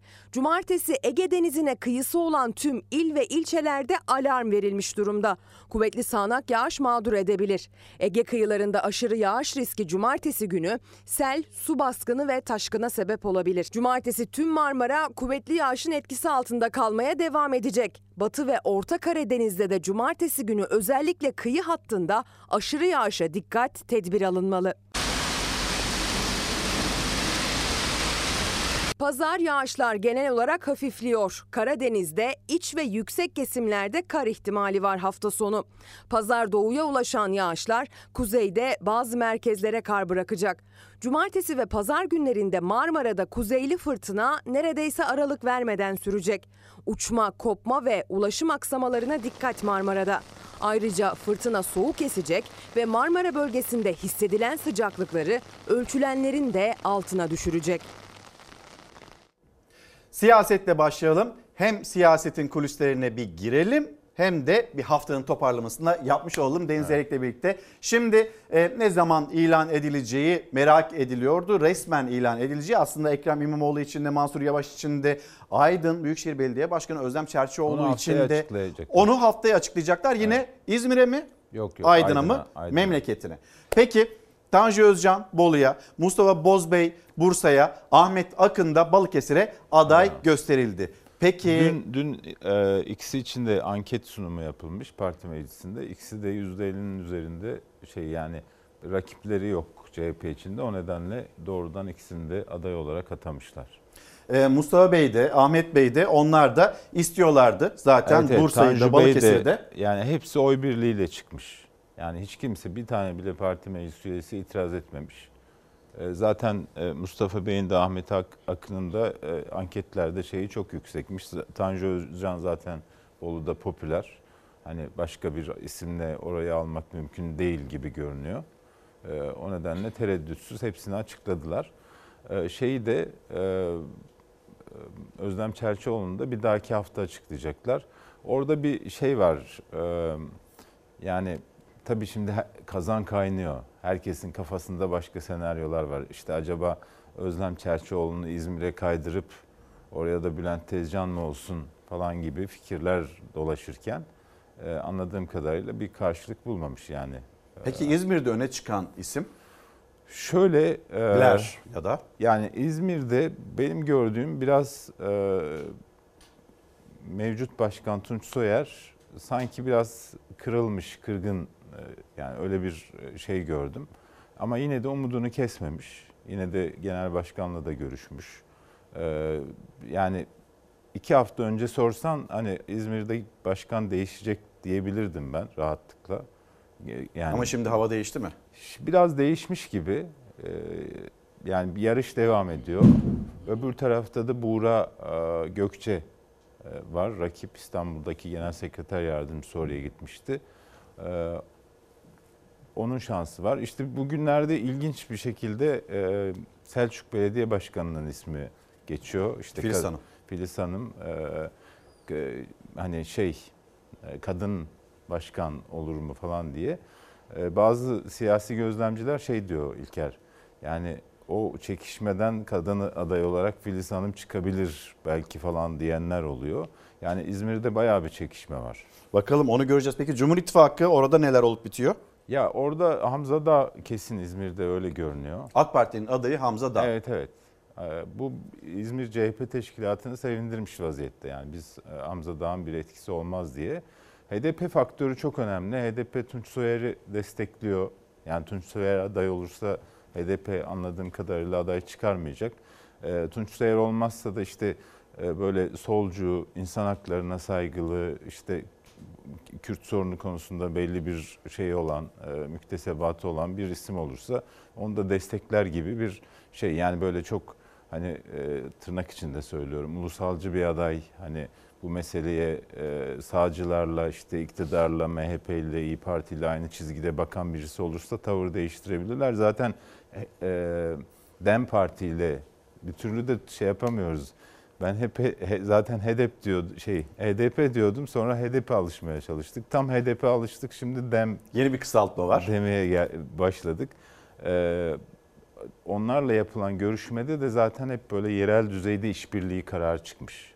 İstanbul için de Ankara için de geçerli mi? Evet evet. Yani yerel düzeyde e, çıkacak aday önemli. Yani adayın profiline bakıp ona göre tavır belirleyecekler anladığım kadarıyla. Peki e, Cumhur İttifakı acaba bu büyük şehirleri ne zaman anlatır, ne zaman açıklar? Ee, çok zorlanıyorlar. Yani aday bulamıyorlar. Bu açıklama aslında Cumhuriyet Halk Partisi'nin yaptığı psikolojik bir üstünlüğü ele geçirme. Önden açıklama, bir iddiayı Tabii, da tabii. ortaya koyma. Tabii yani şimdi mesela ben haftaya Adana'yı Mersin'de bekliyorum. Yani belki Antalya uzayabilir, e, İzmir uzayabilir. E, şeyde a- büyük şehirlerin geri kalanında şu anda anketler devam ediyor. 6 şirketle anlaşılmış. 6 ayrı anket yapılıyor her şehir için. Evet. Oradan gelecek sonuçları koyup e, adaylarını açıklayacaklar. Şu anda başkanlarla ilgili memnuniyet araştırması var vesaire. E, muhalefette olmayan belediyeler için de kiminle kazanırız arayışı var. E, sıkı tutuyorlar yani. Ama iktidar da zorlanıyor. Aday bulmakta. Evet yani e, Cumhurbaşkanı e, ne diyordu muhalefete? Adayını çıkar kardeşim. Bak biz buradayız. Diyordu. Diyordu. Mayıs'tan önce. Evet.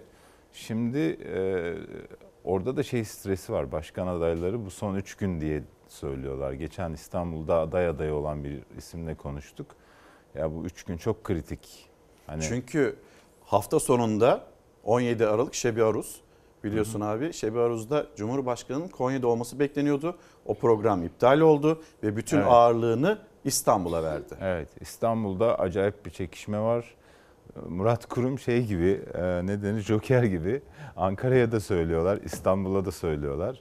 Burada Tevfik Göksu çok güçlü bir aday. Be- Benim kanaatimi sorarsan da e, her ne kadar e, taraftarları bizi linç etse de sosyal medyada ben Tevfik Göksu'nun hak ettiğini düşünüyorum. Yani e, emektar olması nedeniyle. Yani belediye meclisindeki performansıyla, belediyecilik Ya, e, performansıyla. AK Parti gönüldaşlığıyla. Tabii tabii 90'lı yıllardan beri bu işin mücadelesini veriyor. Hak etmiş yani. Dışarıdan gelip birini paraşütle koyacağınıza eğer şey derdiniz varsa hani gerçekten siyasi bir e, hani partinin ana gövdesinden birini yapmak istiyorsanız Tevfik Göksu tartışmasız bir şekilde olmalıdır. Ama Fatih Belediye Başkanı e, şey AK Parti de böyle seküler adaylar arıyor. Yani bu Cumhuriyet'in 100. yıl kutlamalarında halkın gösterdiği tavır biraz AK Parti'yi oraya itti. Yani Cumhuriyet, Cumhuriyet değerleri, işte laiklik, modern yaşam vesaire falan gibi şeylerde e, işte bu Hüdapar meselesi mesela çok zarar verdi onlara. Bir de şimdi hem Hüdapar hem Yeniden Refah kendi adaylarıyla çıkabilir. Konya'yı istediği iddiası var. Mesela Fatih evet, Erbakan'ın evet, Konya, Cumhurbaşkanı'na. Konya çünkü şöyle bir hedefi var onun. AK Parti milli görüş daha doğrusu Konya'daki belediyeden başladı. Sonra Evet. İstanbul vesaire büyüdü, iktidara geldi. Fatih Er- Erbakan'ın da öyle bir hedefi var. Konya'da belediyeyi alalım, sonra İstanbul, sonra işte şey ben Cumhurbaşkanı olacağım. Cumhurbaşkanı verir mi Konya'yı? E, Vermez, verir mi ya? Yani şimdi MHP o kadar güçlü olmasına rağmen MHP ile bile tek tek pazarlık yapıyorlar yani. MHP'ye bile vermek istemiyorlar. Reyinden refah verirler mi? Şimdi bir de İyi Parti'ye bakalım. Yönetmenimizden Savaş'tan ben bir rica edeyim. Şi- yavaş yavaş önemli isimlerini kaybediyor. İyi Evet. Parti masadan birer birer dostları kalkıyor. İşte e, Ece Güner önemli bir isim. Ahmet Zeki Üçok e, buradaki görevi o görevden alındı. Bahadır Erdem hukukçu bir isim. Durmuş Yılmaz Merkez Bankası'nın eski başkanı. Sonra e, İyi Parti'ne ayrılıp AK Parti'ye giden milletvekili oldu. Belki bir isim daha Adnan Beker yine AK Parti'ye doğru yönünü çevirebilir. Birer birer masadan eksiliyor dostlar dedik biz de. Ne dersin abi? Doğru, doğru ama yani ben krizi de yönetemedikleri kanaatindeyim. Çok kalp kır- kırıyorlar. Çok bodoslama gidiyorlar. Yani ben geçen Ümit Dikbayır'la program yaptık. Ee, üzüldüm yani. Ümit Dikbayır'ı işte tacizle falan suçladılar. Hani e, giden birinin itibarını işte şimdi bugün e, gazetelerde de var. Suç duyurusunda bulunmuş çünkü Ümit Dikbayır bir ses kaydı vermiş. Yani iki tane eski ve yeni il başkanı Ümit Dikbayır'ın e, itibarını e, yok etmeliyiz diye telefonda konuşuyorlar kendi aralarında. Yani e, bu çok yani siyasette hiç haz edilmeyen, olmaması gereken e, bir durum. E aynısını diyor Yavuz Ağralioğlu'na da yapmıştık diyor. Yani şeydeki o iki il başkanının konuşmasında böyle detaylar geçiyor. E, üzücü tabii. Acaba Yavuz Ağrı Alioğlu da böyle Ümit Dikbayır'ın yaptığı gibi bir suç duyurusunda bulunacak mı? Kendisine de buradan sormuş olalım. Belki de şu anda ekran karşısındadır.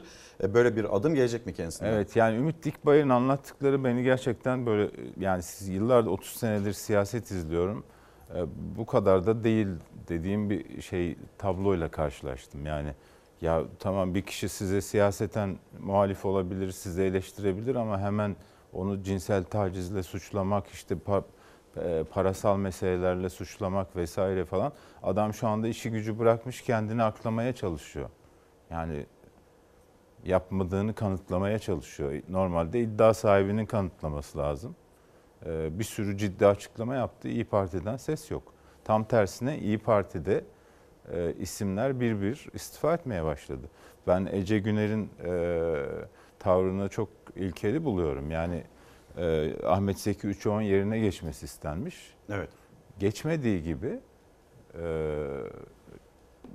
parti- Mevcut hani Evet. yönetim ve tavrını doğru bulmadığını söyleyerek de istifa etti. Yani Evet. bu, bu çok etik, siyasal etik açısından çok böyle altı çizilmesi gereken bir davranış. Ee, bu yani ben Özgür Özel'in yerinde olsam bugün telefon eder partiye davet ederim. Bakalım zaman Şahsen. ne getirir ne götürür Ee, Ece Güner içinde böyle söylemiş olalım ve ne yapalım o konuya geçiş yapalım. Türkiye Büyük Evet. Millet Meclisi, Türkiye Büyük Millet Meclisi'nden yükselen kebap dumanları. Önce haberimiz gelsin sonra da Deniz Eyrek'le konuşacağız. Diyarbakır yoluna, Diyarbakır yoluna. Bunun zamanı mı bir milletvekilimiz can çekişiyor. Ölümle pençeleşiyor. Hiçbir şey yokmuş gibi mecliste ciğer partisi düzenleniyor. Ya biraz ciğer olmalı. Meclis bahçesini duman sardı. Nedeni ise AK Parti Diyarbakır Milletvekili Suna Kepoğlu Ataman'ın 2024 yılı bütçe görüşmeleri sırasında verdiği Ciğer Kebabı Partisi. Kebap ziyafetinin çekildiği sırada kalp krizi geçiren milletvekili Hasan Bitmez'in hayat mücadelesinin devam ettiğine dikkat çeken de oldu. Vatandaş ete ulaşamazken metrelerce uzunlukta yan yana dizilen mangallar üzerindeki ciğer kebabıyla yapılan şovada. Millet aç, millet perişanlık içerisinde. Milletin vekillerinin olduğu mecliste kebap partileri, ciğer partileri, mangallar, milletvekilleri mangal başında. Ya olmaz gerçekten olmaz ya bu şık değil gerçekten yanlış ya. Bir milletvekilimizin kalp krizi geçirmesi hepimizi üzüyor ama yaşam bir şekilde de devam ediyor. Yani ne yapalım yani bu da yaşamın içinde.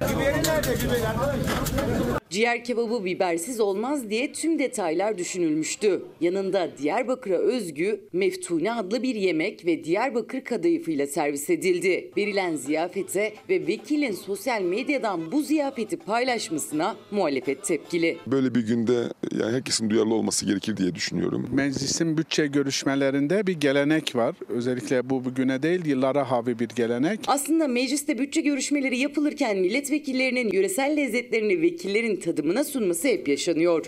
Bu yıl AK Partili vekillerin listesine göre sırada İskender Partisi de var. Mantı Sucuk Partisi de. Tepkiler üzerine AK Parti Diyarbakır Milletvekili Suna Kepolu Ataman paylaştığı videoları kaldırdı. Yazılı bir açıklama yaptı. Ben gösterişten asırlarca uzak kalmış Diyarbakır halkının malumu bir ailenin Mahmut Ağa'nın kızıyım. Kamu kaynaklarının bir kuruşu dahi bu işe dahil edilmemiştir. Benim karakterim ve asaletim böyle bir şeye müsaade etmez. Görüntüler çekmeleri, gülmeleri, eğlenmeleri yanlış bir adam, bir milletvekili arkadaşımız can çekişiyor. Birazcık saygı. AK Parti'nin bütçe görüşmeleri sırasında planladığı takvime göre Saadet Partisi Milletvekili Hasan Bitmez'in vefat haberinin geldiği 14 Aralık 2023 ikram takviminde sıra Bursa Milletvekili Mustafa Varank'ta. İkram menüsünde bu kez İskender vardı.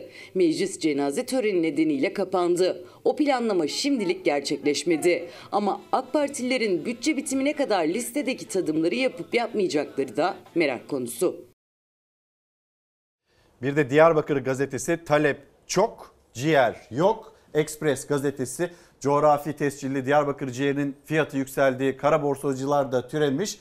Yani fiyatı nereden nereye gelmiş? Kuzu ciğerin kilosu 420 liralara varmış ve Türkiye Büyük Millet Evet. Meclisi zamansız bir ciğer partisi Ya mecliste. zamanlı da olsa yani ölüm olmasa da biraz şey e, İşin bir kısmı hani o milletvekilinin yaşadığı sağlık problemi, diğer kısmı vatandaşın hali zaten. İlker e, biz bu yayını e, Ankara'da yapıyor olsaydık e, sabah o dumanları görecektik, Görecektik. gözümüzde. Yanımızdan yükselecekti. Belki Bu de, neyin nesi diyecektik? Belki de kadraja girecekti ve sen diyeceksin ki mecliste yangın mı var? Bu İtfaiye dumanlar- arayacaktık Ha, belki. Bu duman nereden geliyor? O kadar yükseldi Evet yani. ben yani Gördün. Tabii tabii sabah sabah bu ne diye evden çıktığımda şey yaptım. O zaman hazırlıkları Kokulu baş- mu geliyor o duman nasıl oluyor?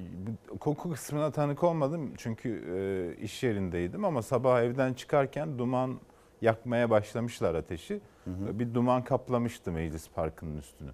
E, ben kimse belki dikkat etmemiştir bu tartışmada ama ben başka bir şeye daha dikkat çekmek istiyorum. Bu hanımefendi savunma savunma yapmak için bir açıklama yaptı ya. Evet. Orada şöyle bir ifade kullanmış. Ben Mahmut Ağa'nın kızıyım. Yani Ya 21. yüzyıldayız ve hala ağalık mev- mevzusunu savunan bir meclis üyesiyle karşı karşıyayız. Ağalık mı kaldı ya? Feodal beylik mi kaldı? Ne Yani demek bana da ya? bu yakışırdı. Şunu şunu Gibi mi? dese ben Cumhuriyet kadınıyım. Cumhuriyet'in 100. yılındayız. Ben Cumhuriyet kadınıyım. 30, 1934'te verilen seçme ve seçilme hakkının kadına sonucunda da benden önceki ka- Buradayım. kadın milletvekilleri gibi ben de buradayım. Yani bu, bunu demek varken ben Mahmut Ağa'nın kızıyım. Yani babamın sayesinde buradayım gibi bir şey yapıyor. Bunu, buna kimse dikkat etmedi. Bu bence oradaki en vahim şey. Ağa'nın kızıyım yaparım. Ağa'ya her şey serbest. Yani kendi cebimden e, Kendi- bunu organize Hayır, ettim bak, demek bu, için bu de olabilir mi kırmızılı arkadaşlar var ya. Evet. Onlar ciğer bu bu yemeği yapan bir restoran. Ben ısrarla söylüyorum. Dün de şey yaptım. Bu hanımefendi bunun maliyetinin o restoran tarafından karşılanmadığını, o restorana ödeme yaptığını kanıtlamalıdır.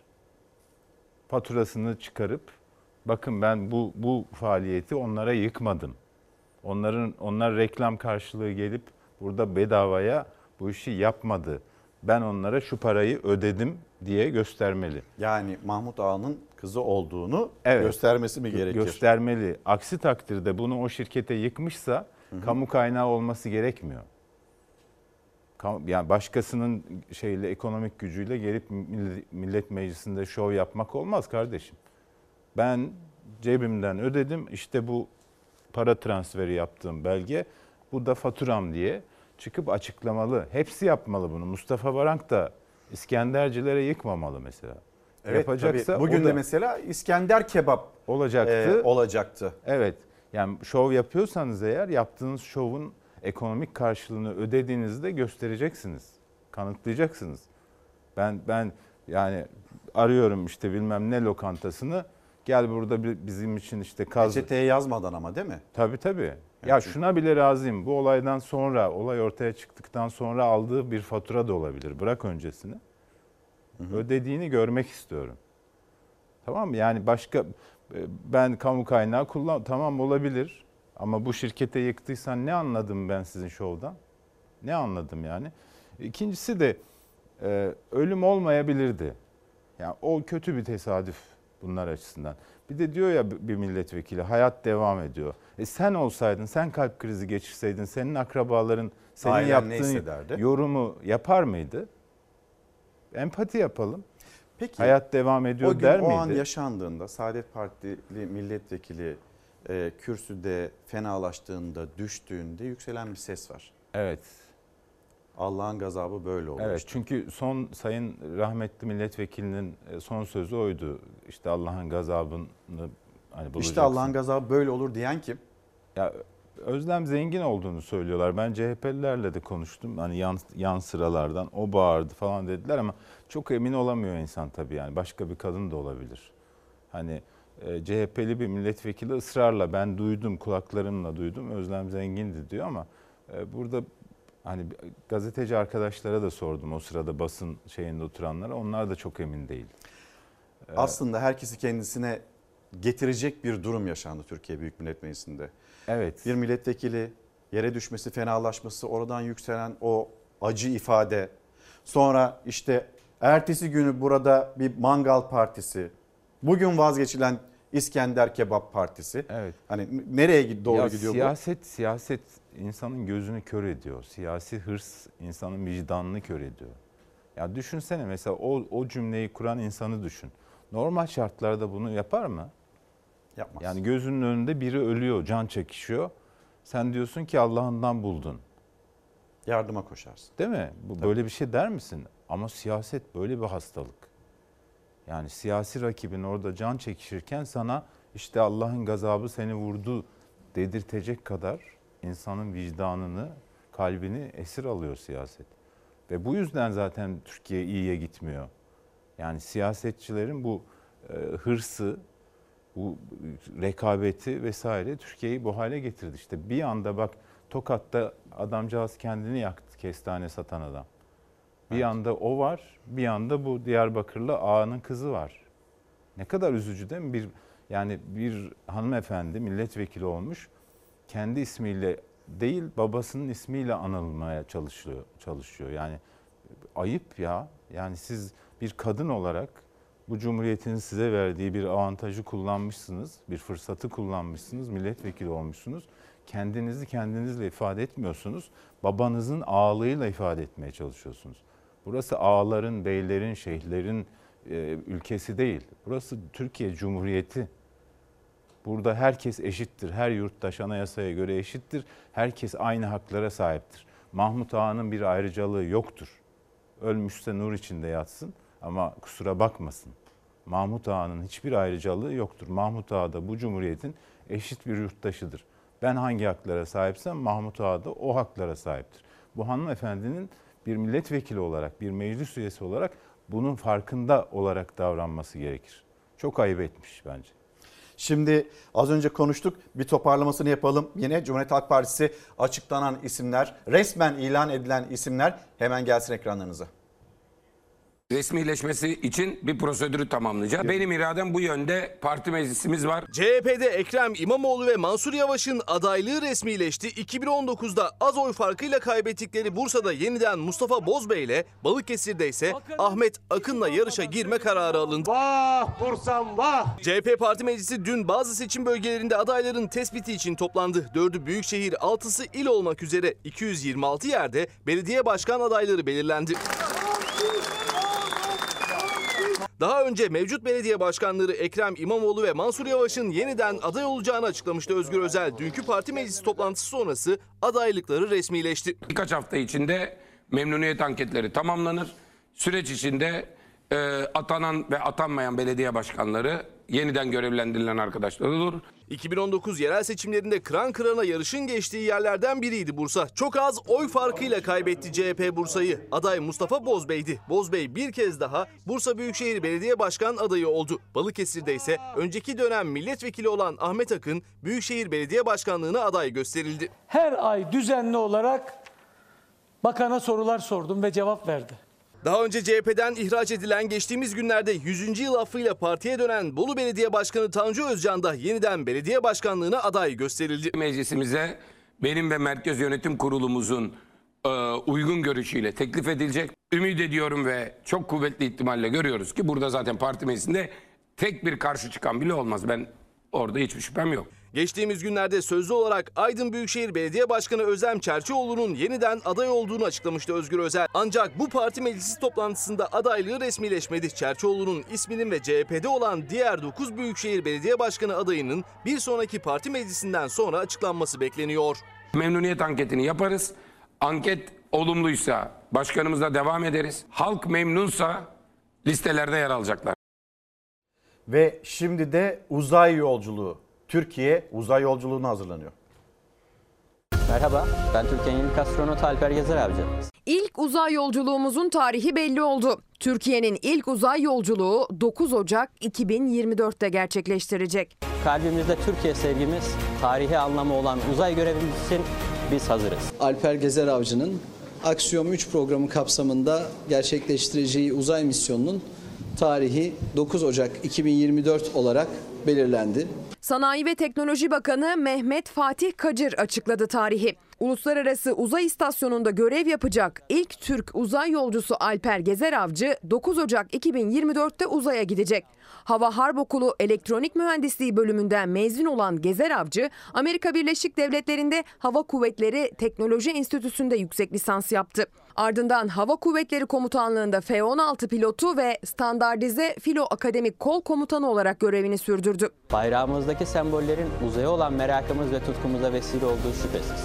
Sırf bu yüzden armanın en dikkat çeken yerinde yuvarlak formda bayrağımız yer almakta. Gezer Avcı'nın taşıdığı armanın da detaylarına yer verildi lansmanda. 8 köşeli Selçuklu yıldızı, ay yıldızlı Türk bayrağı, 16 Türk devletini temsil eden yıldızlar ve Cumhuriyet'in 100. yılına ithafen 100 sayısıyla turkuaz renkli Türkiye haritası bulunuyor armada. Yerle gök arasındaki bağlantı geçişini simgeleyen ve ayrıca İslam'ın temel 8 prensibini de temsil eden bu 8 köşeli yıldız ile armamız bütünlüğünü sağlamış oluyor. İspanyol, İtalyan ve İsveçli astronotlarla birlikte Türkiye'nin ilk insanlı uzay misyonunu gerçekleştirecek olan Gezer Avcı 13 farklı bilimsel deneye imza atacak.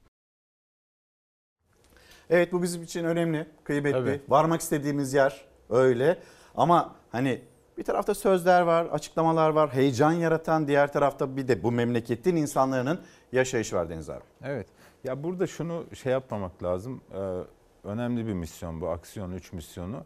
Uluslararası bir şey. Ee, işte dünyaya entegre olmanın bir sonucu bu. Türkiye Cumhuriyeti'nin e, işte İtalya ile işte Avrupa'nın Amerika kıtasının önemli ülkeleriyle eşit olduğunu, onlar kadar saygın olduğunu gösteren bir durum bu. İkide bir de Batı'yı kötüleyen, işte Amerika'yı, Avrupa'yı kötüleyen e, insanlarımızın onlarla ortak yapılan bir misyonla böyle propaganda yapma çabası da değişik bir ironi olmuş yani. Yani bu sonuç itibariyle uluslararası bir uzay misyonu oraya bir Türk astronot katılıyor. Evet. Ee, yani şey gibi anlaşılmasın biz kendimiz gönderiyoruz bizim roketimiz de gidecek falan gibi anlayanlar olmuş olabilir. O kısmı düzeltelim. Aracı firma var diyorsun abi. Aracı firma değil yani uluslararası bir uzay çalışmasına bir Türk astronot dahil ediliyor. Bu çok önemli bir şey. Türkiye'nin uluslararası saygınlığını da gösteren bir durum. Yani hep diyorlar ya Batı bizi kıskanıyor. Ya Batı'yla bir sürü işbirliği yapıyoruz bunun gibi. Yani bu, öyle bakmak lazım. Biz ha kendi sertin işimizi Ay'a gerçekleştirdikten sonra 2023'te Ay'la ilk teması sağlayacağız diye açıklamışlardı. Maalesef henüz e, o gerçekle... Kısmet olmadı. Kısmet 2023'te. Aynı enflasyon gibi ay, aya, ayak basma meselesi de enflasyonun düşmesi meselesiyle paralel gidiyor. Yani enflasyonu şu tarihte düşüreceğiz diyorlar. O tarihin üzerinden 5 sene geçiyor. Nerede, niye düşmedi falan. Ay da öyle yani. Ay'a 2023'te ilk temas sağlayacaktık. 2023... Ama neyse ki en kötüsü geride kaldı. Hangisini diyorsun? Enflasyonun. Cumhurbaşkanı en son onu söyledi. Yani görmeden bence, dereyi görmeden paçayı sıvama demişler atalarımız. Biz e, kötü senaryolara da yine hazırlıklı olalım. Önümüzdeki sene zor geçecek çünkü. Deniz abi teşekkür ederim. Ben teşekkür Biz ederim. her cuma yine buluşmaya devam edeceğiz. Sözcü gazetesi yazarı Deniz Zeyrek ve Deniz Zeyrek'le birlikte Deniz abiyle bir gündem değerlendirmesi yaptık. Akşam da o kulis bilgileri devam edecek. Ee, Fox Haber Genel Yayın Yönetmeni Doğan Şentürk moderatörlüğünde Türkiye'nin en fazla izlenen tartışma programında Deniz Zeyrek'te o deneyimli gazeteciler arasında yer alacak. Deniz abi bir kez daha teşekkür ederim. Bil bakalım sıradaki haber hangisi? Tek tahmin hakkım var. Tek tahmin hakkım var. Şey mi emekli maaşı mı? Bilemedin. Dilan Polat ama onu da konuşacağız. Teşekkürler abi. Sağ olasın. Engin bir sürü yeni şey gelmiş. Dilan dün ne kadar harcadın? 30. 30 30 bin. Bence fazla Dilan. 759. Bir şeyin kaç rengini almış görüyor musun? Bu doyumsuzluk değil de ne Engin. Gerçekten bize doyum al yani. 750 bin TL çok önemli bir günlük harcama olarak görünüyor. 750 bin çarpı 30 desen insan günde 750 bin TL harcayamaz. Hem banka hareketlerini hem kredi kartı hareketlerini toplama sunalım bir muhakeme yapsınlar bakalım. Saldırsın saldırın benim param ya. Turkish Dollar Woman. Dolardan bigudilerle kendini dolar kadın ilan eden günlük harcadığı paraya dair açıklamalarıyla dikkatleri üzerine çeken Dilan Polat'ın şov yaptığını, banka harcamalarında bu rakamların olmadığını iddia etti avukatı. Dilan Polat'ın yalan bir dünya ve şöhret algısı yarattığını ileri sürdü. Ay. Evet bana hep böyle şeylerle gelin donatayım ben de sizi. 3-4 ayda bir 90-120 arasında kredi kartı harcamaları olduğu ortaya çıkacak. Peki Dilan Hanım niye üstümdeki kıyafet 350 bin lira işte bir alışveriş merkezine gittiğimde 750 bin liralık harcama yapıyorum diyor. Bu alan öyle bir alan işte. Yalancı bir alan. Şöhretin, toplum önünde olmanın, fenomen olmanın her şeyi gerçek mi zannediyorsunuz? Acaba bunlarla ne yapacağız? Mesela Dilan Polat'ı tanıyan şu an bunların ne, ne yarayacağını bilir. Beğendin mi? Ben de çok beğendim ama Dilan Polat'ı bilenler lüks yaşamıyla tanıyor. Son model arabalar dünyanın en pahalı giysileri ve havalara saçtığı dolarlarla çektiği videolarla ünlendi. Bu akıl almayan zenginlik mercek altına alındı. Kara para aklama, vergi kaçırma ve yasa dışı bahis iddialarıyla Dilan Polat ve eşi Engin Polat tutuklandı. Hadi, hadi kadar kendinize de bir kahve. Oh. Ne işe yarıyor bu? Hiçbir işe yaramıyor. Gıcık kaptım insanlar için. Dilan Polat'ın avukatı mali işlerle ilgisinin olmadığı ve küçük çocuğunun annesine ihtiyacı olduğu gerekçesiyle ev hapsi talep etti. Vergi kaçırma haricindeki suçlamaları reddetti. Hesaplarında milyon TL'ler olmasına rağmen hiçbir vade ve faize bağlanmamış aylarca durmuş. Düşünün bahisten beslenmek isteyen biri 5 liranın hesabını yapar. Dilan Hanım. He canım. Hangi arabada çıkıyorsunuz? En pahalısı var. Mesleğiniz ne? Kocasının karısı. Enerji! Geliyorum kocacığım. Polat çiftinin tüm mal varlıklarıyla birlikte hesaplarına da el konuldu. Avukatın iddiasına göre Polatların yapmadığını atanan kayyum yaptı. Hesaptaki para faize yatırıldı. Kayyumlar mevcut paraları faize yatırdılar. İlk defa faiz işletiliyor. Ne kadarlık bir servetleri var şu an devletin Masanın tedbir? tespitine göre 1 milyar. Çok harcadım. Evet. Ne kadar harcadın? Şöyle bir göster. Bu kaç liralık bir kombi? Toplam 350. 350 bin lira. Ya ne yapacağım kız nereye götüreceğim parayı?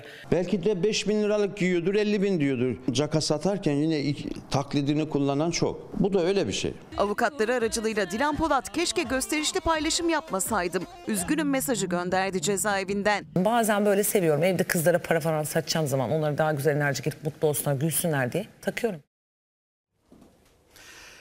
Dilan Polat'ın kıyafetleri bu kadar tutuyormuş. Üzerindeki kıyafetleri fiyatını sizler de duydunuz. Peki çalışan kadınlar, emekçi kadınlar e onlar da kendilerine özen göstermeye çalışıyor ama fiyatlar da ortada.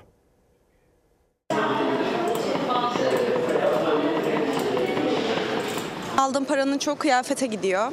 Ee, yani giyimimize özen göstermeye dikkat ediyoruz. Genel olarak en çok onu harcıyorum ne bileyim yemek ve giyim. Zaten son zamanlarda aşırı aşırı fiyat artışı var yani. Çalışan kadınlar giyimlerine özen göstermeye çabalıyor ama alım gücü ortada. Maaşlarının önemli bir kısmı kıyafete gidiyor. Yıldan yıla alışkanlıklarını değiştirmek zorunda kalıyorlar. Pandemi öncesinde aşırı derecede alışveriş yapıyorduk. Ama şu an mesela o kadar değil yani. Şu an çok pahalı. Bir mont bile hani 2000-3000 liradan başlıyor ki bu bence baya yüksek bir fiyat yani. Hani artık bir montla bir kışı geçirmek zorunda insanlar yani. Çok daha az alışveriş yapmaya başladık. Bir ay boyunca yani saçımı tırnağımı yaptırdığımı varsayarak konuşuyorum. Tırnaklar 500'den başlıyor zaten. Ee, saç en düşük 3000'den başlıyor. Ee, almak istediğimiz kıyafetler zaten en düşüğü yine 1000 civarından başlıyor. Aylık bir 10 bin civarı bir boş paramız olması gerekiyor ki kendimizi harcayabilelim. Günaydın. Aslında günaydın tamamen öylesine söylenmiş bir söz. Çünkü hava bile karanlık. Karanlıkta gidip karanlıkta çıkıyoruz yani. 6 gibi falan çıkmış olmam gerekiyor benim buraya gelebilmem için. Pek değdiğini söyleyemeyeceğim. Ama e, çalışmadan da işte çok da bir şey yapılmadığı için mecbur kalıyoruz bir noktada. Her gün zifiri karanlıkta uyanıp yollara düşüyor çalışanlar. Dev plazalarda gün ışığı bile görmeden saatlerce çalışıyorlar. İş hayatı özellikle de kadınları daha şık ve bakımlı görünmeye zorluyor. Ancak bütçe buna el vermiyor. Şu an e, bence yetersiz. Yani Hem asgari ücret, hani asgari ücret almayan hani beyaz yakalılar da aynı şekilde yine düşük ya herkes için düşük. Eskiden benim makyaj koleksiyonum vardı mesela şu an yok. Şu an sadece ihtiyacım olanları alıyorum. Hani mecburum çünkü buna. Yoksa onun dışında bir günlük hayatıma yetmiyor yani.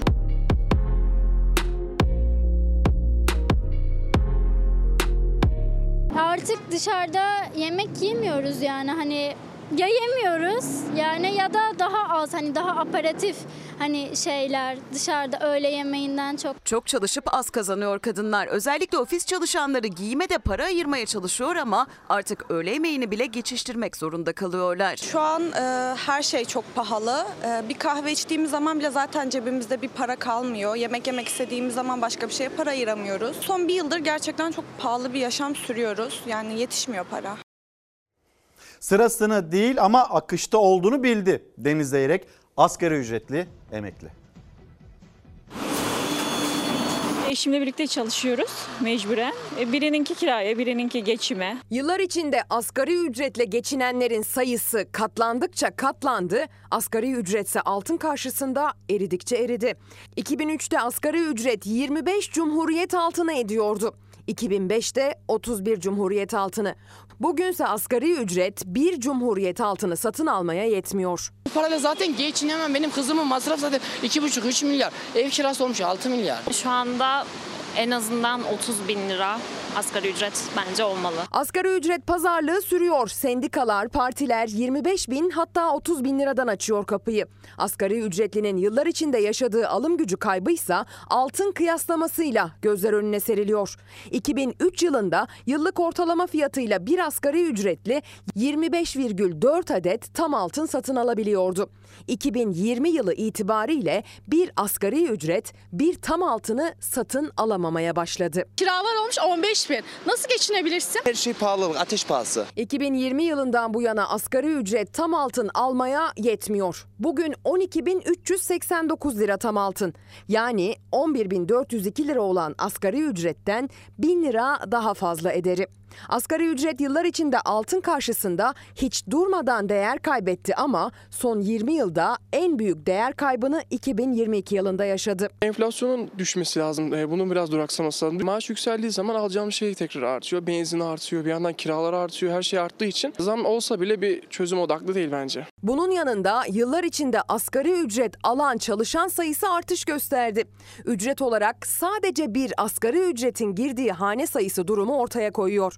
Türkiye Ekonomi Politikaları Araştırma Vakfı'nın raporuna göre sadece bir asgari ücretle geçinmeye çalışan hane sayısı 2 milyon 950 bin. Yani yaklaşık 3 milyon hane tek bir asgari ücretle yaşamaya hatta hayatta kalmaya çalışıyor. Sefalet sınırı yani askeri ücret artık enflasyon yükseliyor, faizleri sürekli yükseltiyorlar, dolar almış başını gidiyor. Asgari ücret hiçbir şeye yetmez. Asgari ücret giren toplam hane sayısı ise 4,15 milyon. Bu hanelerde ise toplam 6 milyon kişi yaşıyor. Asgari ücretle hayatta kalmaya çalışan kişi sayısı hızla artarken asgari ücret hızla değer kaybediyor. Dün paylaşmıştık bu haberi. Istaka Meydan Muharebesi. Önce ne oldu? Önce savaş, sonra siyaset devreye girdi. Ara buluculuk üstlendi siyaset, sonrası barış.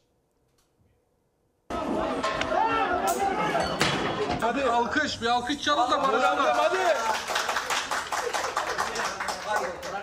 Istakalarla birbirlerinin başına vurmuşlardı. Kahvede okey oynadıkları sırada kavgaya tutuşan 73 yaşındaki Celal Çoban ve 76 yaşındaki Nuri Tüfekçi barıştı. Üç günlük ya. Hayır buyurun bak ben Üç günlük ya. Muğla'nın Milas ilçesinde kahvede okey oturmuştu 4 kişi Celal Çoban ve Nuri Tüfekçi arasında tartışma çıktı. Celal Çoban'ın ağzından çıkan bir kelime Nuri Tüfekçi'yi çok kızdırdı. Ben aynısını iade ediyorum. Herkes duysun. ben sana şerefsiz demedim. Bilhassa kavga olur mu Nuri Baba? Ben yaparım. Ha? Önce yanaşmadı barışmaya Nuri Tüfekçi onların aralarını bulmak için devreye giren AK Parti Belediye Başkan adayı Barış Saylak dil döktü. Şurada şu kahvenin içinde bununla kimse oyun oynamak istemiyor. Bir. Arkadaşlarının da devreye girdiği barışma ortamında sıra sarılmaya geldi. Celal Çoban özür diledi. Nuri Tüfekçi gözyaşlarını tutamadı. Nuri dayım. Özür dile. Sarıl. Nuri dayım. Orkun sen buranın sahibisin. Doğru mu? Buyurun. Bir terbiyesiz bir tane halime bir söyleyebilir misin? Bir işi bir çıksın. İkisini de üzdü tatsız olay barıştıktan sonra duygularını paylaştılar. Kabahat bende. Teşekkür ediyorum ayrıca. Çok çok teşekkür ediyorum barıştığı için. Ben bunu istiyordum zaten. Kavga sonrası birbirinden şikayetçi olan iki arkadaş barıştıktan sonra şikayetlerini geri çekti. Olay tatlıya bağlandı. Efendim günaydın. Çalar Saat'e nokta koyma vakti geldi. Türkiye'nin gündemine birlikte baktık. Mesajlarınız vardı. Mesajlara baktık. Sonra siyaset, ekonomi pek çok konuyu konuştuk. Bu haftayı noktalıyoruz. Pazartesi günü saatler 8'i gösterdiğinde biz yeniden burada olacağız. Belki konuklarımız olacak, sürpriz konuklarımız olacak ve yine memleketin haberleriyle gelin haftanın başında pazartesi günü yine hep birlikte buluşalım. Kapatırken her zamanki gibi teşekkürümüz sizlere. Bizi izlediğiniz için teşekkür ederiz. Güzel bir gün olsun, güzel bir hafta sonu olsun.